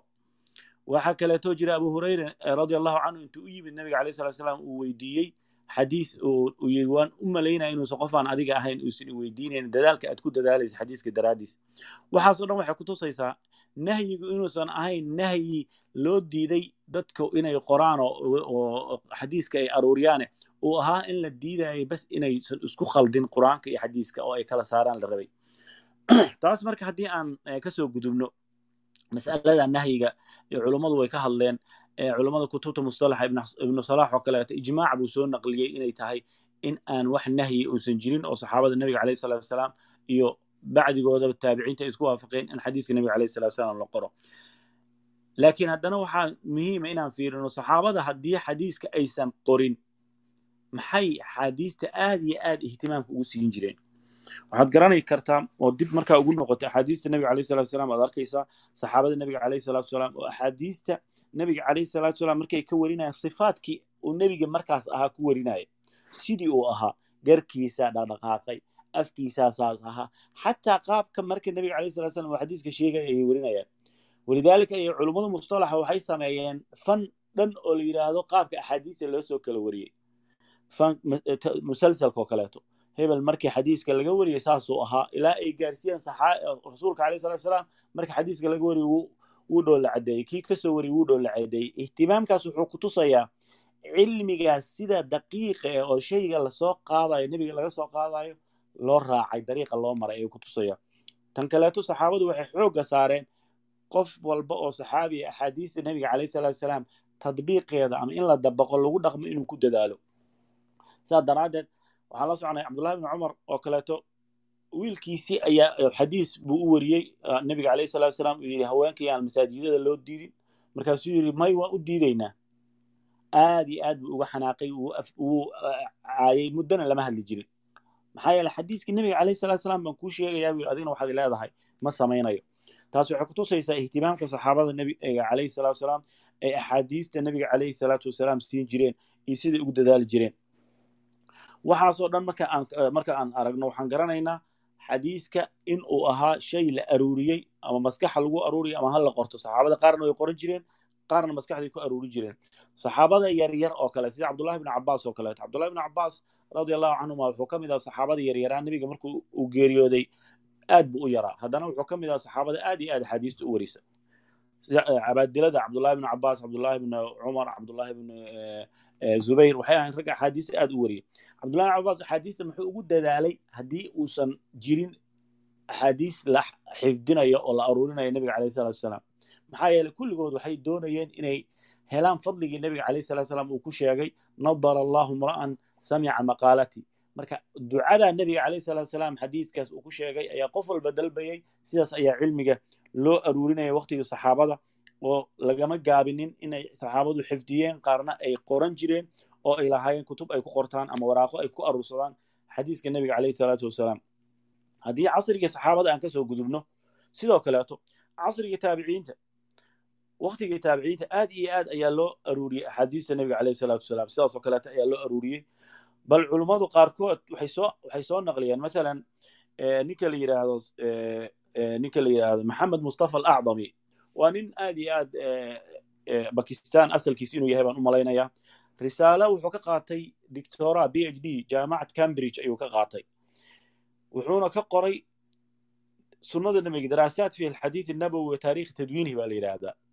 Jaamacadda uu ka qaatayna waa jaamacad reer galbeede reer galbeedka weliba dee ingiriisku aad iyo aad bay niman mustashriqiin oo axaadiista nebiga calayhi salatu slam wax ka sheegay u lahaayeen. Haddana shahaadadaas wuxuu ku qaatay oo darajada markii la siinaya lagu siiyey yani darajo aad iyo aad u sarraysa ayuu ku qaatay. Wuxuuna sheegay markuu tatabuc ku sameeyey oo uu raacraacay taabiciinta axaadiista kala warisay. Markuu cadadkoodii tiriyey oo uu si fiican u dabagalay qarnigii tabaqadii ugu horreysay taabiciinta qarnigii horeeto wuxuu soo aruuriyey saddex iyo saddex iyo konton oo taabiciinta ka mid ahaa inay axaadiista qori jireen tabaqadii labaad oo taabiciinta oo siqaari taabiciin raggii yaryaraa ahaa wuxuu soo iyagana soo aruuriyey sagaashan iyo sagaal taabici magacooda ayuu ku soo aruuriyey kitaabkaas oo axaadiista qoran jiray oo aruurin jiray axaadiista nebiga calayhi salatu wasalaam marka ihtimaamka ay waqtigii taabiciinta la siin jirayna waa mid ka sii daran waa waqtigii saxaabada gaar ahaan ayagu waxay ku sii darsadeen inay qortaan axaadiista oo ay aruuriyaan qoritaanka axaadiista nebiga calayhi salatu wasalaam walidaalika waxaad arkaysaa xirsiga taabiciinta iyo dadaalka ay ku dadaali jireen sida ay ugu dadaali jireen taabiciinta in badan xadiiskii aanu hadda ka horna ka soo warranay curwa ibnu zubayr oo kaleeto oo uu oran jiray markay caaisha geeriyootay radia allahu canha umu lmu'miniin oo habaryartiisa ahayd. Laba sano ka hor caaisha intaysu geeriyoonin haddii ay geeriyoon lahayd kama aan murugoodeen xagga cilmiga aan ka qaaday inaan wax ay taqaana ama xadiis ay nebiga ka warisa aan uga tegin. Marka taas waxay kutusaysaa ihtimaamka iyo sida loogu dadaali jiray oo saxaabada taabiciintana ay u aruuriyeen. Kadib waxaa bilaabatay casrigaas taabiciinta taabiciinta yaryaraa aad bay u bilaabeen maxamed ibnu siriin iyo kaleeto inay aad iyo aad ugu dadaalaan. Oo aruurinteeda keliya maahan waxaa bilowday taftiishi sanad in sanadka axaadiista xataa la soo qaadanayo la aruuriyo oo sanadkiisa qofka laiska ogaado oo qofkii la dabagalo ayaa bilaabatay. Culummada marka taabiciinta casrigooda markaa ka soo gudubtid oo u soo gudubtid casrigii atbaacu taabiciin ayaguna sidoo kaleeto ayay aad iyo aad u aruuriyeen. Axaadiista culummo badan baa ka soo baxday oo axaadiista aruurisay oo qortay kutub ku qortay axaadiista. Intaan la soo gaarin dawaaweyntii waaweyneyd oo bukhaari iyo muslim iyo abu daawud iyo sunan. Waxay marka nimanka kan tasawuranayaan kule xadiiska waxaa la qoray waqti dambe nin baa maalinood maqlayay xadiis intaan u sheegay yiri aniga adiguba iskaga mid baana afar boqol oo sano la qoray hadda afar boqol oo sano bukhaari iyo muslim nabiga alayhi salatu salaam iyo xataa taabiciinta ay ka soo wariyeen umaba jiraanba imaam maalig oo kaleeto kitaabkiisa markaa fiirisid wuxuu ka wariyey taabici buu ka warinaya yani saddex baa u dhexaysa isagii nebiga alayhi salatu wasalaam marka afar boqol oo sano iska tasawur iska tasawuranayaan ama waxay caqliga intay gashaan dadka ay rabaan inay been ugu sheegaan weeye laakiin wax yani markaa fiirisid weyn oo farqi uma dhexayn imaam maalig iyo kaleeto marka xataa aan soo gaarno casri atbaaci taabiciin tadwiinkii markaan soo gaarno wuxuu ka warinayaa maalig waa naafic can ibni cumar. Yani waa maalig naafic can cumar. Silsilad aad u dheer ma aha way imaanayaan hadday doonayaan cancantaas iyo xadatanaa iyo qaabka loo wariya hadday damcaan inay ka hadlaan cilmi uma ay laha. Markaase waxayse kala garan karin cilmi riwaaya iyo cilmi diraaya. Sanadka see looga hadlay iyo sidee looga hadlay matniga baysan kala garan karin. Culummadu ma sanad keliya ka hadleen. Maantana waxaa laga inay dadku ugu sheekeeyaan sanadku uu dheeraaday waa laga hadlay kutub baa laga alif laakiin matniga lagama hadlin. Macana markaa u soo laabanno oon si fiican u fiirino shuruudda sixada xadiiska shuruudda xadiiska uu saxiix ku noqdo shanta shardi laba mid ka mid kamida waa waa matnigay ka hadlayaan. Cadamu shuduud iyo cadamu lcilla sanad shaqo kuma laha.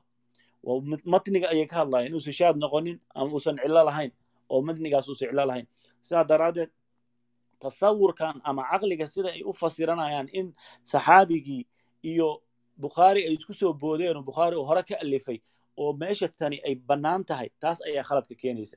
Wamaca daalika markaan soo gaarno casri tadwiin oon u nimaadno culimmadii waaweynaa oo tasaaniifta sameeyey. Haddaan xataa aan ka soo gudubno casri atbaac taabiciin culimmadii waaweynaa isxaaq ibnu rahawey iyo muxuu ahaa rashid alasdi iyo saciid ibnu caruba iyo yaxya abi zakariya. Iyo raggaas markaan ka soo gudubno oon u soo gudubno casriga ta'liifka u bilowday waxaad arkaysaa kulli culummada kutubta aliftay sanad bay ku wariyeen. Nin iska keensaday intuu fariistay sidii jaamacadaha maanta kitaab asaga maskaxdiisu uga alifay riwaayad maaha.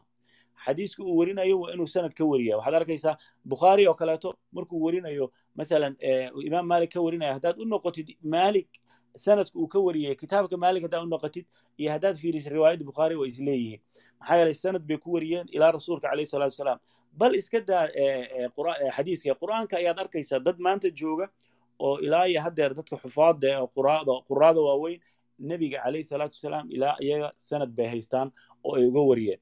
Marka tasawurka khaldan oo dadka la raba in laga dhaadhiciyo oo iyaga laftigooda laga gaday qaar ka mide waxaa laga yaabaa in laga gaday oo ay saa u malaynayaan maxaa yeelay haddii ay akhrisan lahaayeen kutubta ugu yaryar oo mustalax alxadiidka laga qora hadday akhrisan lahaayeen kutubta ugu yaryar yani manduumat albayquniya haddii loo akhrin lahaa ama ay nukhbat alfikr oo ibnu xajar ama taysiir mustalax alxadiid hadday akhrisan lahaayeen way fahmi lahaayeen qaabka loo qoray tadwiinka sunnada loo qoray inuu ahaa qaab qoraal warqad lagu qoro iyo maskax lagu xifdiyo iyo waktigaasoo uu xifdigu ka weynaa wax walba ilaa xataa casriga tadwiinka bukhaari oo kaleeto markaa fiirisid muslim iyo abu daa'uud iyo xifdiga axaadiista ay ay werinayaan xifdi xifdisanaayeen kadib bay kitaabka ku qoreen. Iyagoo xifdisan bay haddana sanadkooda waxay dooran jireen inay ku wariyaan inta ugu saxiixsan uu shardistay bukhaari muslimna uu shardigaa dhigtay laakiin kutubta sunanka oo kale ma aysan dhiganin. Waxaad arkaysaa sanadka qiimaha uu lahaa alisnaadu min addiin walowla alisnaadu laqaala man shaaa maa shaa qiimaha uu sanadku lahaa kutubta xataa mudawana taariikhiya kutubta taariikhda ka hadlaysa ibnu jariir atabari oo kaleeto alumam walmuluk ibn kathiir oo kaleeto albidaaya wanihaaya kutubtaasoo dhan marka ay werinayaan ay ka hadlayaan akhbaarta ay werinayaan ha noqoto akhbaar nebiga ka horreysay oo kutubta bani israa'iil laga soo wariyey ama ha noqoto akhbaar nebiga ka dambeysay calayhi salaatu wasalaam kulligeed waxay ku werinayaan sanad maxaa yeelay waktigaas dadka joogay wax aan sanad lagu werin oon qofkii waxaan sheegay la aqoonin ma aysan qaadan jirin. Hadhowto sanadkan saxiix ma yahay daciif ma yahay adigaa lagaa raba markaad qaadanaysid. Laakiin adiga sida aad sheegtay sheekh cabdirasaaq oo haddaa xaatib lleil iska noqotid oo habeenkii intaad soo guratid geedaha aad abeesa xambaar noqotid abeesooyin soo guratid oo hadhow abeesadii aad xambaarsanee dadka dhex keentid oo diin uga dhigtid taas waa qalad adiga ku haysta. Meeshan cilmigan culummadii muslimiinta aan ahayn baa waxay qireen culummada islaamka cilmiga ay u dejiyeen inay ku kala saaraan ku kala ogaadaan axaadiista nebiga calayhi salatu ma saxiix ba mase waa daciif mase waa mawduuc oo wax la dejistay. Cilmiga ay u dejisteen inuu yahay cilmi aan ilaa hadda ummad ummadaha ka mid oo dejisay uusan jirin. Bal nebiga calayhi salatu salam siiradiisa markay ka warramayaan xataa mustashriqiinta reer galbeedka oo aan aqoon ba waxay leeyihiin nebiga calayhi salatu salam huwa rajulu alnabiyu alwaxiid alladii wulida fi raabicati nahaar yani wax ka qarsan noloshiisa ma jirto wax walba oo noloshiisa ku mida way muuqataa baynama ambiyadii kaleeto aan qaar badanoo ka aan la aqoonin taariikhdooda si daqiiqa aan loo aqoonin waxa kitaabadaas lagu soo wariyey mooye sidaa daraaddeed waxa muhiima inuu qofku marka uu ka hadlayo mawduucan uu fahansan yahay qof ma jiro ku oranaya xadiiska waxaa la qoray afar boqoloo sano ka bacdi ama waxaa la qoray muddo nebiga ka bacdi sidaan u rumaysanayaa qof ma jiro saas e ilaa kitaab ku saabsan kitaabada cilmiga laga qoray. Cilmu lmustalax alxadiid ama cilmu rijaal ama cilmu aljarxi watacdiil mana uusan soo akrisanin waxaana laga yaaba inuusan maqlin. Marka qofkaasoo kale waxaa lagu waaninayaa walaalow bal horta dib ugu noqo oo soo baar oo raadi bal inta u dhexaysay bukhaari iyo iyo iyo iyo saxaabadii nabiga alayh salat salaam iyo sida loo wariyey axaadiistan iyo sida loo aruuriyey iyo culummadii u dhexaysay siday u ihtimaamka u siiyeen. Waxaanu soo sheegnay hadda ka horan si fiican uga soo warranay cumar ibn cabdilcaziz radiallahu canhu inuu aad iyo aad ugu dadaali jiray axaadiista nebiga in la qoro oo uu u yeeray rag uu yidhi qoro axaadiista nebiga calayh salat salaam si aysan u lumin oo uu aruuriyey marka taabiciintii iyo saxaabadii iyo atbaacu taabiciintii ilaa casru tadwiin cilmigan waa cilmi la weeleeyey oo la aruuriyey qofkii raba inuu khalad ka soo saaro waa inuu cilmigii bartaa oo uu dhex galaa laakiin hadduu intuu meelaha iska istaago sidii sheekh cabdisamed uga warramay oo kaleeto uusanba ogolayn marka uu fahmi waayey ama uu baran waayey uu yidhahdo qur'aanka keliyaan qaadanayaa qur'aankana anigaa iska fasiranaya oo waxaan ku fasirayaa ra'yigayga waa arrin aad iyo aad loola yaabo. Dadka saas hadda odhanaya mushkilada haysato ugu waaweyn waxay tahay xataa ra'yigooda hadday wax ku fasirayaan oo ay dhihi karaan ra'yigeena wax ku fasirayna oo ay gaareen dow bayba ahaan lahayd. Laakiin waa dad dad kaleeto daba taagan sida aad sheegtay sheekh cabdirasaaq shaxruur oo kaleeto oo isagaba lala yaaban yahay sida uu u hadlayo waxa uu sheegayo ayay daba taagan yihiin oo xataa odhanaya yani wax bini aadamka uusan ku fakirin. Qofka ugu wanaagsan oo qur'aanka sida saxda u fasiray waa charles darwin buu yidhi shaxruur charles darwin baa qur'aanka si fiican u fasiray. Nebigana calayhi salaatu salaam wuxuu yidhi uma bannaana inuu qur'aanka fasiro leanna asaga looma soo dirin inuu qur'aanka fasiro. Nebinimadu waxay ku eg tahay inuu dadka soo gaarsiiyo waxyiga oo ay dadku fasirtaan. Marka qof saasoo kaleeto u fakiraya oo manhajiyada uu ka dhaqaaqaya ay tahay manhajiye islaamka ka baxsan oo asaga uu dejistay oo laakiin marka uu jaamacadda joogo ardayga uu wax u dhigaya manhajka jaamacadda qaado odhanaya laakiin marka diinta la yimaado manhaj asaga uu dejistay doonaya inay dadka qaataan ayaa la doonayaa dadka ilaahay muslimiinta diintooda in looga fasaadiyo. Inta badanna dadka hadallada ku hadlaya waa dad diintii ka tegey ama dad doonaya inay bannaystaan xaaraanta iyo fasaadka? Marka dariiqii ay u mari lahaayeen waxaa ka hortaagan in sunnadii lagu dhego in diinta ilaahi subxaana wa tacala si ay loo haysto. Dariiqaas si ay uga leexdaan waa inay horta marka horeeto isku dayaan inay dadka diinta shaki ka geliyaan wax badan oo dariiqaas marayna marka dambe waxay ku dambeeyaan ilxaad. Qofka hadduu shaki sunnada ka galo oo qur'aanka marka dambe shaki buu ka gelayaa marka dambena diinta ayuu shaki ka gelayaa inta badanna waxay u badan yihiin dadaan cilmi lahayn dadaan diin soo akhrisanin ama hadday diin soo akhristeenna soo akhristay diin si ayaga khaldan intii loogu akhriyey kadibna markoodii horeetaba u dhashay inay extream noqdaan oo marba meesha bahasha ay ugu fogtay raacaan oo halkaa ku lumay bay u badan yihiin. Marka sunnada nebiga calayhi salaatu wasalaam lama qorin wakti dambe ee waxaa la qoray waktigii nebigu u noolaa saasaana loo kala wariyey ilaa waktigii laga soo gaaray. Kutubta waaweyn laga qoray. Marka wax shakiya ama ishkaaloo ku jira ma laha ilaa qof jaahil oo aan fahansanayn oo iska fatwoonaya wuxuusa fahansanayn. Hadal uu yiri mooye waa mahadsantahay sheekh cabdisaaq jazakum allah khayr wbaaraka allah fiikum wakahar allah amhaalakum ilaahay miisaankiina xasanaadka ha daro adiga iyo sheekh cabdisamed kelmadaas qayimka le ad caawa noo soo jeediseen ilahayna ha anfaco yowma laa yanfacu maalun walaa banuun ilaa man ata allaha biqalbin saliim inta dhegaysanaysay dhammaan walaalaha hoos jooga waxaan leeyahay idinkana ilaahay subxaanahu watacaala abaal iyo ajar khayr badan ha siiyo adduun iyo aakhirana ilaahay subxaanahu watacaala ha dhigo mid idin hadalka wanaagiisana aad ka qaadataan. Jazakum allah khayr. Mar kale ayaan idin mahad celinaynaa mawduucii ku saabsanaa islaamka iyo cusboonaysiinta nooca uu u baahan yahay. Halkaas ayaan maanta ku soo gabagabeynaynaa. Waxaan geli doonaa hadda falanqayntii iyo su'aalihii oo dadka loo furi doono insha allah. Waxaase hubaal ah sidaa sheekh cabdulqaadir uu sheegay qofku hadduusan waxa uu sheegaya aqoon runtii ay dhibaato badan keeni karto. Waxaan la yaabay maanta mar aan daawanayay kilib yar oo ninkaas shaxruur la leeyahay uu leeyahay wanufika fi suuri maaragtay wuxuu ku tilmaamay infijaar wuxuu diidan yahay qiyaama la soo baxaya marka wuxuu ku leeyahay waa sida qaraxa maqasheen wax un hal bam iska oran doona sidaasuu leeyahay jannada iyo naartan wuxuu yidhi maba jiraanba marka walciyaadu billah ilaah baan kuwaas ka magan galnay waxaa marka la rabaa dadku inay cilmi u yeeshaan maaragtay haddii ilaah yiraahdo arrimahaas marka waxaan aan leeyahay jazakum allah khayr wabaarak allah fiikum runtii muxaadaraad aad u qayima ayay ahaayeen. Waxaan rabaa sidoo kale inaan dadweynaha u sheego kelmaddii caawa in ay duuban tahay oo maaragtay iyadoo bodcast ah. Ilaahay khayr ha siiyo walaalkeen maxamed saadiq casharkana duuba. Ilahay waxaan uga baryaynaa in uu ku guuleeyo adduun iyo aakhiro ajar fara badan uu ka siiyo. Uuna ogaado in ajarkaas ay u socon doonto ilaa qiyaamaha inta la dhegaysanayo waa arrin aad u weyn. Walaalkaas marka waxaan leenahay jazahu allah khayr. Allah ka abaalmariyo hawshaas weyn ee uu islaamka u qabtay qof walbana waxaa la rabaa inuu kaalintiisa ka qaato. Sidoo kale walaalaha hawsha nala waday dhammaantood waa mahadsan yihiin. Waxaan marka intaa wixii ka dambeeya aan ku wareejin doonaa walaalaha moderatorada insha allah inay hawsha noo sii wadaan. Daada jooga kadib culimada ayuu u fasixi doonaa iyo barnaamijka.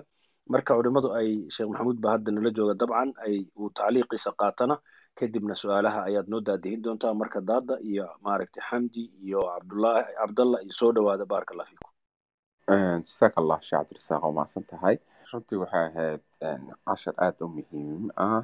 Waxaan marka hore ku soo dhaweynayaa maxamuud ku soo khayr Eh, sheekh maxamuud intaadan gelin eh, one minute waa ilaaway. Kitaabkii sheekh cabdisamed uu noo sheegay afcaalu rasuul sal salam wadalaalaata cala alaxkaam asharciya eh, isagoo b d f ah waxaan soo geliyay twitterkayga. Marka qofkii rabo halkaasuu kala degi karaa jazakum allah khayr. Sheekh maxamuud tafadal jazaak allah khayr. Fadiila sheekh cabdir ee ilaahi subxaana watacaala ajri xasanaad badan idiin siiyo. Dhammaan waxaan rabaa aniga insha allahu taala waxba tacliiqin maayo.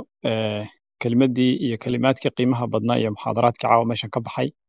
Runtii ee kelimaad wax ku ool bay ahayn. Marka waxaan rabaa keliya inaan mataqaana aan u mahad celiyo walaalaheen ragga culimmada ah sheekh ah, cabdulqaadir ee warsame iyo sheekh cabdisamed iyo sheekh cabdulqaadir ah, sheekh cabdirasaaq ah, mataqaana oo noo xiriirinaya noo waday waxaan rabaa inaan u mahad celiyo runtii maxaa yeelay ee, kelimaad cilmiyeysan oo wanaagsan oo si fudud oo weliba la fahmi kara oo cad waadixna loo soo bandhigay oo mataqaanaa nidaamsan ayaa runtii halkan ka baxay. Marka inaan raggaas u mahad celiyo oon ilaahay subxaana watacaala u weydiiyo miisaanka xasanaadka inuu ilaahay subxaana watacaala u saaro dadka walaalaha dhegeysanaya ee faraha badnaa ee hoos fadhiya iyo kuwa kor saarnaana waxaan rabaa in ayagana ku dhiirageliyo oon ku booriyo in mataqaanaa ay gartaan xaqa iyo baatilka inay kala gartaan. Ilaahina ay weydiistaan subxaana watacaala inuu kala tuso. Maxaa yeele xaqa iyo baatilka walaalayaal isku mid maaha. Qof nebi maxamed sal slam sunnadiisii iyo diintiisii kuu sheegayo kuu difaacayo oo ku waddadii ilaahay subxaana watacaala qur'aankii iyo sunnadii wataase walaalow mataqaana yaan lagu garab marinin. Iyo nin ku mataqaana aan ka tagno oo mataqaanaa gaalo iyo niman kale waxay qoreen iyo waxay sheegeen aan qaadano nin ku leh walaalayaal isku mid maaha isku mid maaha mataqaanaa laba shay isku egna maaha. Marka ilaahay aan weydiisano subxaana watacaala inuu xaqa nagu sugo xaqa intuu na tuso inuu nagu sugo raacidiisana na waafajiyo. Baatilkana ilaahay inuu tana tuso oo awood aan ku garanno na siiyo inuu ilaahay na garab mariyo oo naga mataqaanaa ilaaliyo. Ilaahay aan weydiisano subxaana watacaala dhammaan ee culimmadeennana aan u duceyno ilaahay subxaana watacaala inuu ajri xasanaad siiyo. Aana soo xaadirno marka kelimaadka iyo muxaadaraadka noocan oo kale ah la cilaamiyo ee qolalkan wanaagsan loo furo aan imaano insha allah taasi aan uga faa'iidaysano meelahaas kale doodaha maalayacniga ee madhaleyska ay ka socdaan aan iskaga soo tagno mataqaana ee siyaasadda iyo qabyaaladda iyo doodaha aan cilmiga ku salaysanayn diimaha laga gelayo ee baatilka ah aan iskaga soo tagno.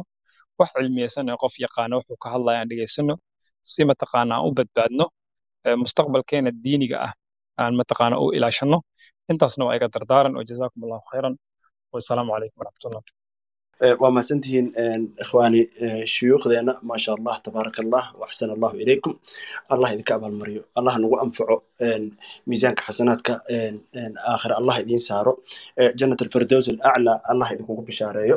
Runtii dhaxal baad noo reebaysaan oo aan jecelnahay inaan ajiyaasha dambe u gudbino anagana ilaahay idinka insha allah tacaala allah inaga dhigo aladiina yastamicuuna alqawla fayatabicuuna axsanah allah inaga dhigo kuwii ku camal fala wanaagga iyo khayrka aad noo dhaxal siinaysaan. Jazaakum allahu khayran. Intaanan walaalaha gacanta u furin su'aalahana ama aanan dhex gelin. Waxaan jeclahay ustaadii wa sheekh mustafa falyatafadal mashkuuran wama'juura asalaamu calaykum waraxmat ullahi wabarakaatu ustaad cabdallah jazaka allahu khayr jaza allah ku barakeeyo ilaahay subxaana watacaala sheekh cabdulqaadir warsame iyo sheekhana sheekh cabdisamed cabdulle ilaahay miisaanka xasanaadka u saaro. Runtii aad baan uga faa'iidnay inkastoo gadaal aan ka soo gaaro haddana intii aan la joogo runtii wax badan bay noo iftiimiyaan. Ilaahay subxaana watacaala annagana allah inaga dhigo kuwa ka faa'iidaysto ustaad cabdallah in yar howl yaran dhamaystiranaya hadday suurtagal tahay. Waa idinku soo yara noqonaya baaraka allahu fiikum. Jazaak allahu khayr. Allah ku sharfo.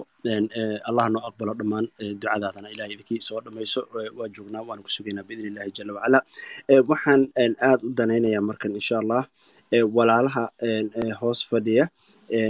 Su'aalo hadday qabaan inay soo dhowaadaan gacanta waa furnay soo qabsada mudaakhale iyo iyo tacliiq haddaad wadataan haddaad su'aalo qabtaan culimmada inta ay joogto inaan idinkana ka faa'iidaysataan annagana nooga faa'iidaysaan marka waa sidaasaan u wadeena. Sheekh cabdirasaaq soo kula maaha khayr allah ku siiya. Ustaadii waxaa jirtay maxaan ku yidhahdaa duruustan runtii inay ku soo beegantay waqti munaasib ah oo aad iyo aad loogu baahnaa. Waqti aan aan aad u dareensannahay oo weliba aan wada aragnay in maxaan ku yidhahdaa dagaal iyo weerar dhan walba leh in macnaha dhalinyarada walaalaheena soomaaliyeed islaamka dhan walba lagaga soo qaaday runtii isbahaysi ballaaranna ay ku soo duulayaan. Wamaca dalika aad waxaan ugu faraxsanahay horta in ilaahay makrigooda iyo dhagartooda inuu ilaahay ayagu dib ugu celiyo inay ayagu xitaa kala jabeen ayagu aanay isfahamsaneen. Runtii iyagoo weliba mar kastaba baatil ku duulaya ayaa waxaan aad u aragnaaba. Baatilkii laftarkiisa inay ku heshiin la'yihiin oo runtii maxaan ku yidhahdaa dhabarjab ay kala kulmeen arrinta ay ku dhiiranayaan runtii aan dalaalka ah. Marka waa iska caddahayba ummaddan ilaahay sida rabbi subxaana wa tacaala inoo caddeeyaba diintiisa isagaa difaacanaya waxa uu ku difaacanayana ma garan karaan ayagu laakiin annaga waaba noo caddahayba shuyuukhdeenna ka mida inuu ilaahay noogu difaaco waxaa ka in xufaadeenna ka mida inuu ilaahay qalbigooda qur'aanka ku hayo waxaa ka mida in xitaa kuweenaan anigu waan ka mid ahay diinta aan wax badan ka aqoonin xitaa in ay meelaha fasaadka iyo dhibka ay la soo istaagaan. Runtii aan ka diidayno aan leenahay waxaas wax kama jiraan marka intaasaaba uga filanba runtii radin markii loo eego ama shubahaadka iyo beenta iyo baadida kuwooda wax bartay ee aan wada ognahay maxaan ku yidhahdaa shaxruuriyiin ha dhihin ama qur'aaniyiinba dheh iyo wax noocaasa qur'aaniyiin xitaa ma dhihi karno culimmadu waa naga qabteen. Kuwaasoo dhan wixii wuxoodii wax soo bartay xitaa maasha allah tabaaraka allah culimmadeena u joogta oo u taagan har iyo habeen oo aan ilaahay uga baryayo horta waqti badan inay geliyaan inuu ilaahay kaga abaalmariyo adduunkan qabla alaakhira aakhirana jannat alfirdows alaclaa inuu ilaahay ugu bishaareeyo. Warkanna waxaan aad u jeclahay istaadii sheekhii sheekh axmed shariif inaan soo dhoweyno oo wax badanna nala joogay runtii laakiin haddana baxay soo laabanay sheekh axmed shariif istaadii kitaabkii waa la dhameeyey arrintii sida loo cusboonaysiinayo iyo in uu u baahan yahay kitaabka cusboonaysiin mas'aladii ku saabsanayd fadal marka tacliiqaaga bacd alculamaa insha allah fadal sheekh axmed. Bismillah alxamdulilah runta ilaah idinku anfaco ilaah idinka mid dhigo dhammaantarnada aladiina yastamicuuna alqawla fayattabicuuna axsanah kuwa hadalka inta dhegeysta wanaagiisa raaca. Ilaah naga dhigo ilaahna ha anfaco. Tajdiidka laga hadlayo iyo diinta la cusboonaysiinayo waa la sheegay oo culimmada way ku nuxnuxsadeen. Waxa ay ka hadlayaanna waxa weeyaan diinta waxyaabaha lagu soo daray oon ka mid ahayn bidcada iyo wax la halmaala in laga saaro iyo wixii nawaasil oo dib ka soo cusboonaaday masaa'il fiqi ah in maaragtay diinta islaamka lagu saleeyo iyadoo laga tixraacayo qawaaciddii muslimiinta ay dejiyeen. Sidaas weeyaan in boorka laga maaragtay qaado sunnooyinkii duugoobay ee dadka ka tageen ama qaarkoodba loo soo nooleeyo sunnadaas. Bidcadiina dadka laga dilo oo bidcada dadka looga digo. Sidaas weytan uu nebigeen uu leeyahay calayhi salaatu wassalaam xadiidkii uu dhahayay ilaahay wuxuu u soo saarayaa ummadda boqolkii sanaba ruux diinta u cusboonaysiiya. Waxaa kaloo jirta riwaayo dhahaysa ilaahay wuxuu ka soo dhex saarayaa min kulli khalfin cuduulu dad walba waxa ilaahay uu ka soo saarayaa dad buu ka soo dhex saarayaa caadiliin kuwaasoo yanfuuna canhu taxriif alghaaliin qur'aanka ka ilaalinaya kana fogeynaya iyo diinta islaamkaba dadka ghaaliinta taxriifka raba inay ku sameeyaan ee diinta leexiyaan macnaheedu ka weeciyaan. Ayuu maartay. Marka dadkaas laga ilaalinayo ee laga maartay xumaatu diinka iyo jahaabidada iyo muxadisiinta ee qawaacidda usuulka noo dejisa ay ka ilaalinayeen ee cabadka wada waa dadka noocan oo kale ah. Waa dadkan raba in qur'aanka iyaga loo kala daayo qawaacidda iyo udubada iyo tiirarka loo maro ee qur'aanka lagu fasiro iyo diinta oo dhanba inay ku tuntaan oo burburiyaan oo meesha ka saaraan si ay wixii u noqdo meel iska daaqi karo oo nin walbaba maaragtay wadaantiisa ceylka uu iska geysan karo. Sidaasay rabaan iyagii la isku daayo waxay doonaan arrintaasna waxaa samayn jiray nimankii baatiniyada qaraamidada la oran jiray tafsiiraad la yaab leh iyo qur'aanka iska saaran jireen meel walba waa iska ta'wiilin jireen cadaabul aakhira iyo jannada waxaana sheegayso dhanba way fasirayaan meel kale la aadayaan. Jirkan lama cadaabayo ee waxa waaye wax kale la cadaabayaa buu ku macno kalea loola jeedaa. Miisaankii bay inkirayaan siraadkii baa la inkirayaa. Xataa qaarkood janno iyo jahanamadaas xataa wax laga yaabo inay inkiraan oo meel kale ay ku fasiraan. Aragtida ilaahay dad baa ta'wiilinaya oo wujuuhun yowmaidin naadira ilaa rabbiha naadira meel kaluu ka fiirinaya wuxuu leeyahay naadiratu thawaaba rabbiha. Ilaa thawaabi rabbiha ayuu halkaasuu aadinaya. Thawaabka rabbigeeda ilaalinaysa. Macaanidii la luqunjibaaro lagu ciyaaro la bedelo. Tafsiirka noocaasoo kale baatiniga shiicadana way yaqaanaan. Aayada hadda haddaan idiin sheega aad yaabaysaan qaabka u fasiraayeen laa tattakhiduu ilaahayni ithnayn. Ilaahayni waxay ku leeyahay imaameyni idan imaamku ma ilaah ba wax noocaasoo kaleo iska ciyaar ciyaar ah. Markaad akhrisatid tafaasiirta shiicada ee ka qoreen tafsiirka qur'aanka waa un iska ciyaar ciyaar. Kitaabkii oo dhammaan nuxurkiisii iyo risaaladii islaamiga ahayd caamka ahayd inta laga saaray unbaa kulligood meel walba oo tawxiid ka hadlaysay imaama afka loo geliyey imaamada laga wadaa imaamka in tawxiid asaga keligii la aamido la aamino. Meel walba shirki ka hadlaysay oo ilaahay cibaadada cidna la wadaajin la dhahayayna waxaa leeyahay waa imaam kale inaad samaysato waa inaad tawxiidkiina cali ibn abi taalib baa laga dhigay. Shirkigiina waxaa lagu leeyahay waa ina abubakar aamintay inuu imaam yahay ama sayidina cumar u yahay imaam inuu yahay. Waa cabath marka waa ciyaar. Ayadi iska cadcad oo ilaahay ka hadlaysa oo in ilaahay cibaadada loo waxiida ka hadlaysa yaa imaama afka loo gelinaya marka dadka noocaasoo kaleta yaa raba in loo banneeyo marka si ay arrinta u gaaraan waa inay laba arrimood sameeyaan.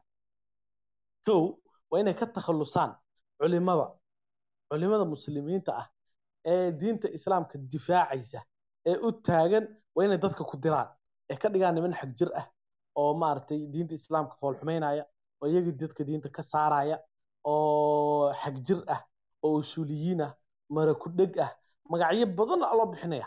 Weligeedba magacyada saas waa loogu bixin jiray meel walba joogo. Dadka ahlu ee madhabka xaq haysta xashiwiya la dhihi jiray magacyo kalea loo bixin jiray mujasima lagu eedeyn jiray waxay beri ka yihiin baa mar walba madaxa dusha laga saaray. Magacyadii noocaasoo kale inta in la isticmaalo la yidhaha dadka waxay rabaan diinta inay fasahaadiyaan ama ayagaan diinta ka qabanaynaaba waa manhajkii uu isticmaali jiray fircawn yuriidu an yubadila diinakum aw an yudhira fi lardi alfasaad. Dadku ugu soo gabanaya waa fircawn yaa dadkii wacdinaya oo ku haya diintii ku ciyaarayaa. Muuse baa raba diinta inuu idinka bedelo dhulkana fasahaadiyo yuu leeyahay. Manhajkaasoo kale rabaa inay inta isticmaalaan walaqow fiihi ay ka dhigaan oo propaganda isticmaalaan ee dadkii maarata culimadii isqaadaad lagu isqaad. Rumuusta iyo culimada iyo indhargaradka lagaa tuuraya marka koowaad dadkaas ila waxaa la mas madaxa laga dilaa dadkaasa horta madaxa yaa la rabaa in iyo shacabka iyo ayaga waxaa la samaynayaa derbi intaa leega lagu dhisaya lagu leeyahay nimankan kahanuudka ah maxaa u daba fadhidaa?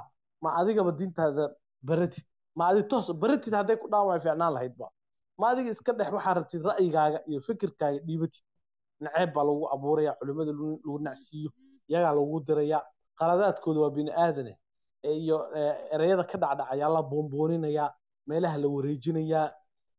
Dadkii iyo culimadii baa laiska horkeenaya dadkii markay bilaa ay noqdaan oo hogaanka ay ka dhintaan marka waxaa fududaanayso in loo sameeyo hogaan kale iyo mithaal kale iyo example kale oo musayaf ah.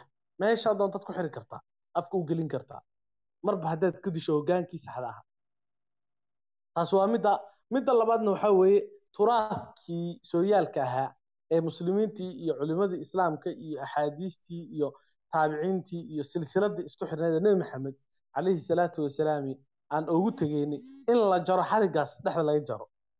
Si aad u noqoto qof abtaroo daba go-an aa u noqoto oon sal iraada lahayn oon taariikh lahayn oo waxoo dhanba laga dhigo layirahdo taariikh le buu ahaayo waqtigooday ka hadlayeen casrigooday ka hadlayeen adiga taada samayso.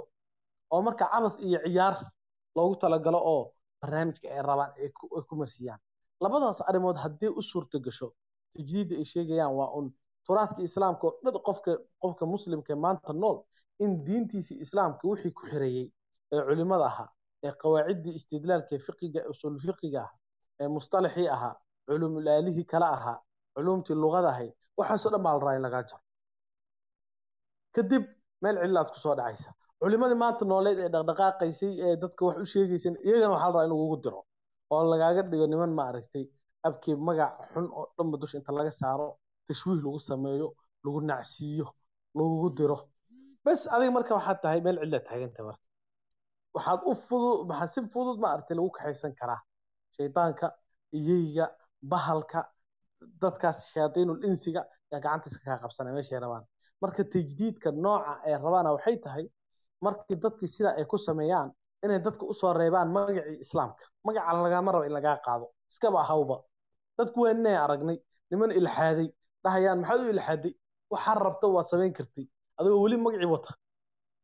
Ilaahay baad duri kartaa diinta wax ka sheegi kartaa waxaad doontaa samayn kartaa diintaad ku ciyaari kartaa dadkaad diinta ka saari kartaa gaalnimaad dadka u xayeysiin kartaa adigoo magacii islaamka weli sheeganaya waa khita shaydaaniya oo khatiira jiddan marka nuxurkiina islaamka laga qaado magaciina ismun bilaa musamma. Yani waxaa soo haraya magac laakiin magacaasi ciddii wadatay iyo nuxurku xambaarsanaa meesha ay ka maqan tahay marka intaasaan ooga baxaya insha allah baraka Eh, baaraka allahu fiik wajazaka allahu khayr waxsan allahu ilayk istaadi waxa waaye eh, waadix ka shams. Aniga rafitirkeyga ayaa waxaan qabaa su'aasha ugu horeysa culimmada rabe inaan weydiiyo. Asaatidna waxaan ognahay horta qolyahan yaryarka ee hadda meelaha ku jira iyo waxa ay la or ordayaan oo dhanba. Eh, waa ognahay meesha ay ka imaadaan iyo iyo iyo waxa ay u dan leeyihiin awalan waxaa dadka lagu qaldaa kelmadda ah carabiyan ee, tajdiidu lfikri wax la dhaho laakiin ujeedku uusan ahayn tajdiidu lfikri ay ay tahay tajdiid ama maxaan ku idhahdaa in ay bedelaan ujeedku inuu yahay kitaabka dhanba in la bedelo marka ayagoo ku soo hoos dhuumanaya tajdiidu lfikri een, ma la isdhihi karaa ujeedka iyo een, arrinta ay uga dan leeyihiin ee guud. Ma aha waxay ayagu iska soo hindiseene ee, runtii silsilad dheer in ay tahay oo oo xitaa dabada ku haysa maxaan ku idhahdaa qarbiyiinta iyo iyo ee, maxaan ku idhahdaa mushrikiinta iyo maxaan ku idhahdaa yahuud iyo kulli in ay dadkan wax la og yihiin soo lama dhihi karo. Sheekh axmed israacso maasha allah baaraka allah fiik. Nacam waa sidaas weeyaan. Waxaa la rabaa in lagu sameeyo dadka hadda le namaadij kale ee dad kale oo la rabaa in lagugu xiro. Marka ma ka dambeeyaan reer galbeedka? Nacam ha way ka dambeeyaan. Liannahu ilaahay baa sii sheegay dhagartooda ilahay wuxuu yidhi wadduu low takfuruuna kamaa kafaruu. Waxay jecel yihiin inaad gaalowdaan. Sida iyagaba u gaaloobeen. Ilahay baa sheegay. Ilahay wuxuu yidhi waxay jecel yihiin wadda aladiina kafaruu min ahli waxay jecel yihiin kuwa ahlu kitaabkee gaaloobay. Inay idinka low yaruduunakum kufaara gaalo inay idinka dhigaan xasadan min cindi anfusihim xaasidnimo darteeda inay gaalnimo idinka dhigaan. ilaahay baa wuxuu yidhi walan tardaa canka alyahuud wala nasaara yahuudda iyo nasaara midna raalli idinka noqon mayso. xata maxamed oo raalli kaa noqon mayso. xataa tattabica millatahum ilaa aad raacdid maaragtay milladooda. nebi maxamed bay ku dayeen calayhi salaatu wasalaam inta u imaadeen waxay ku dhaheen sanadna ilaahana sanamyadanada caabud sanadna ilaahagaan caabudayn marka diinta islaamku waa diin aan ishraaga iyo shirki marba hadduu soo galo diinta meesha ka baxda hadde marba hadduu sanad iyaga la caabudo yani diinta islaamka ahayd iyo manhajkeeda oo dhan waa burburtay laakiin iyaga manhaj quman kuma taagna waa manhaj baatil ah. Waxba lama aha si ay tan kale u burburiyaan inay wax walba ay ugu soo tanaasulaan waxyaabo badan ay uga soo tanaasulaan si adig ay ku dhumiyaan ay ku waxayaan. Mudaahanadaasay sameeyeen nebi maxamed damce inay ku mujaamaleeyaan ilaahay wuxuu yidhi wadduu low tudhinu fayudhinuun. Waxay jeclaysteen inaad u soo iilato iyo adigana maaragtay ayagana ay ku soo iishaan.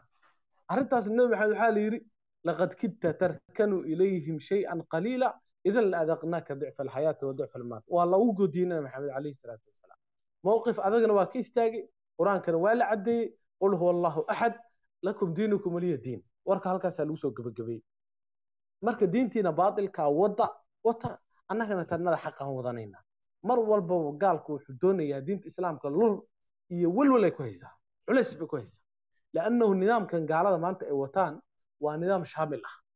Nidaam shaamil ah oo dimuqraadiyad ah dimuqraadiyadda ama caalamaniyada waxa la yidhahdo waa nidaam shaamil oo meel ay ku daynayso ma jirto. Dhinac walba waxay rabtaa inay kaa maamusho.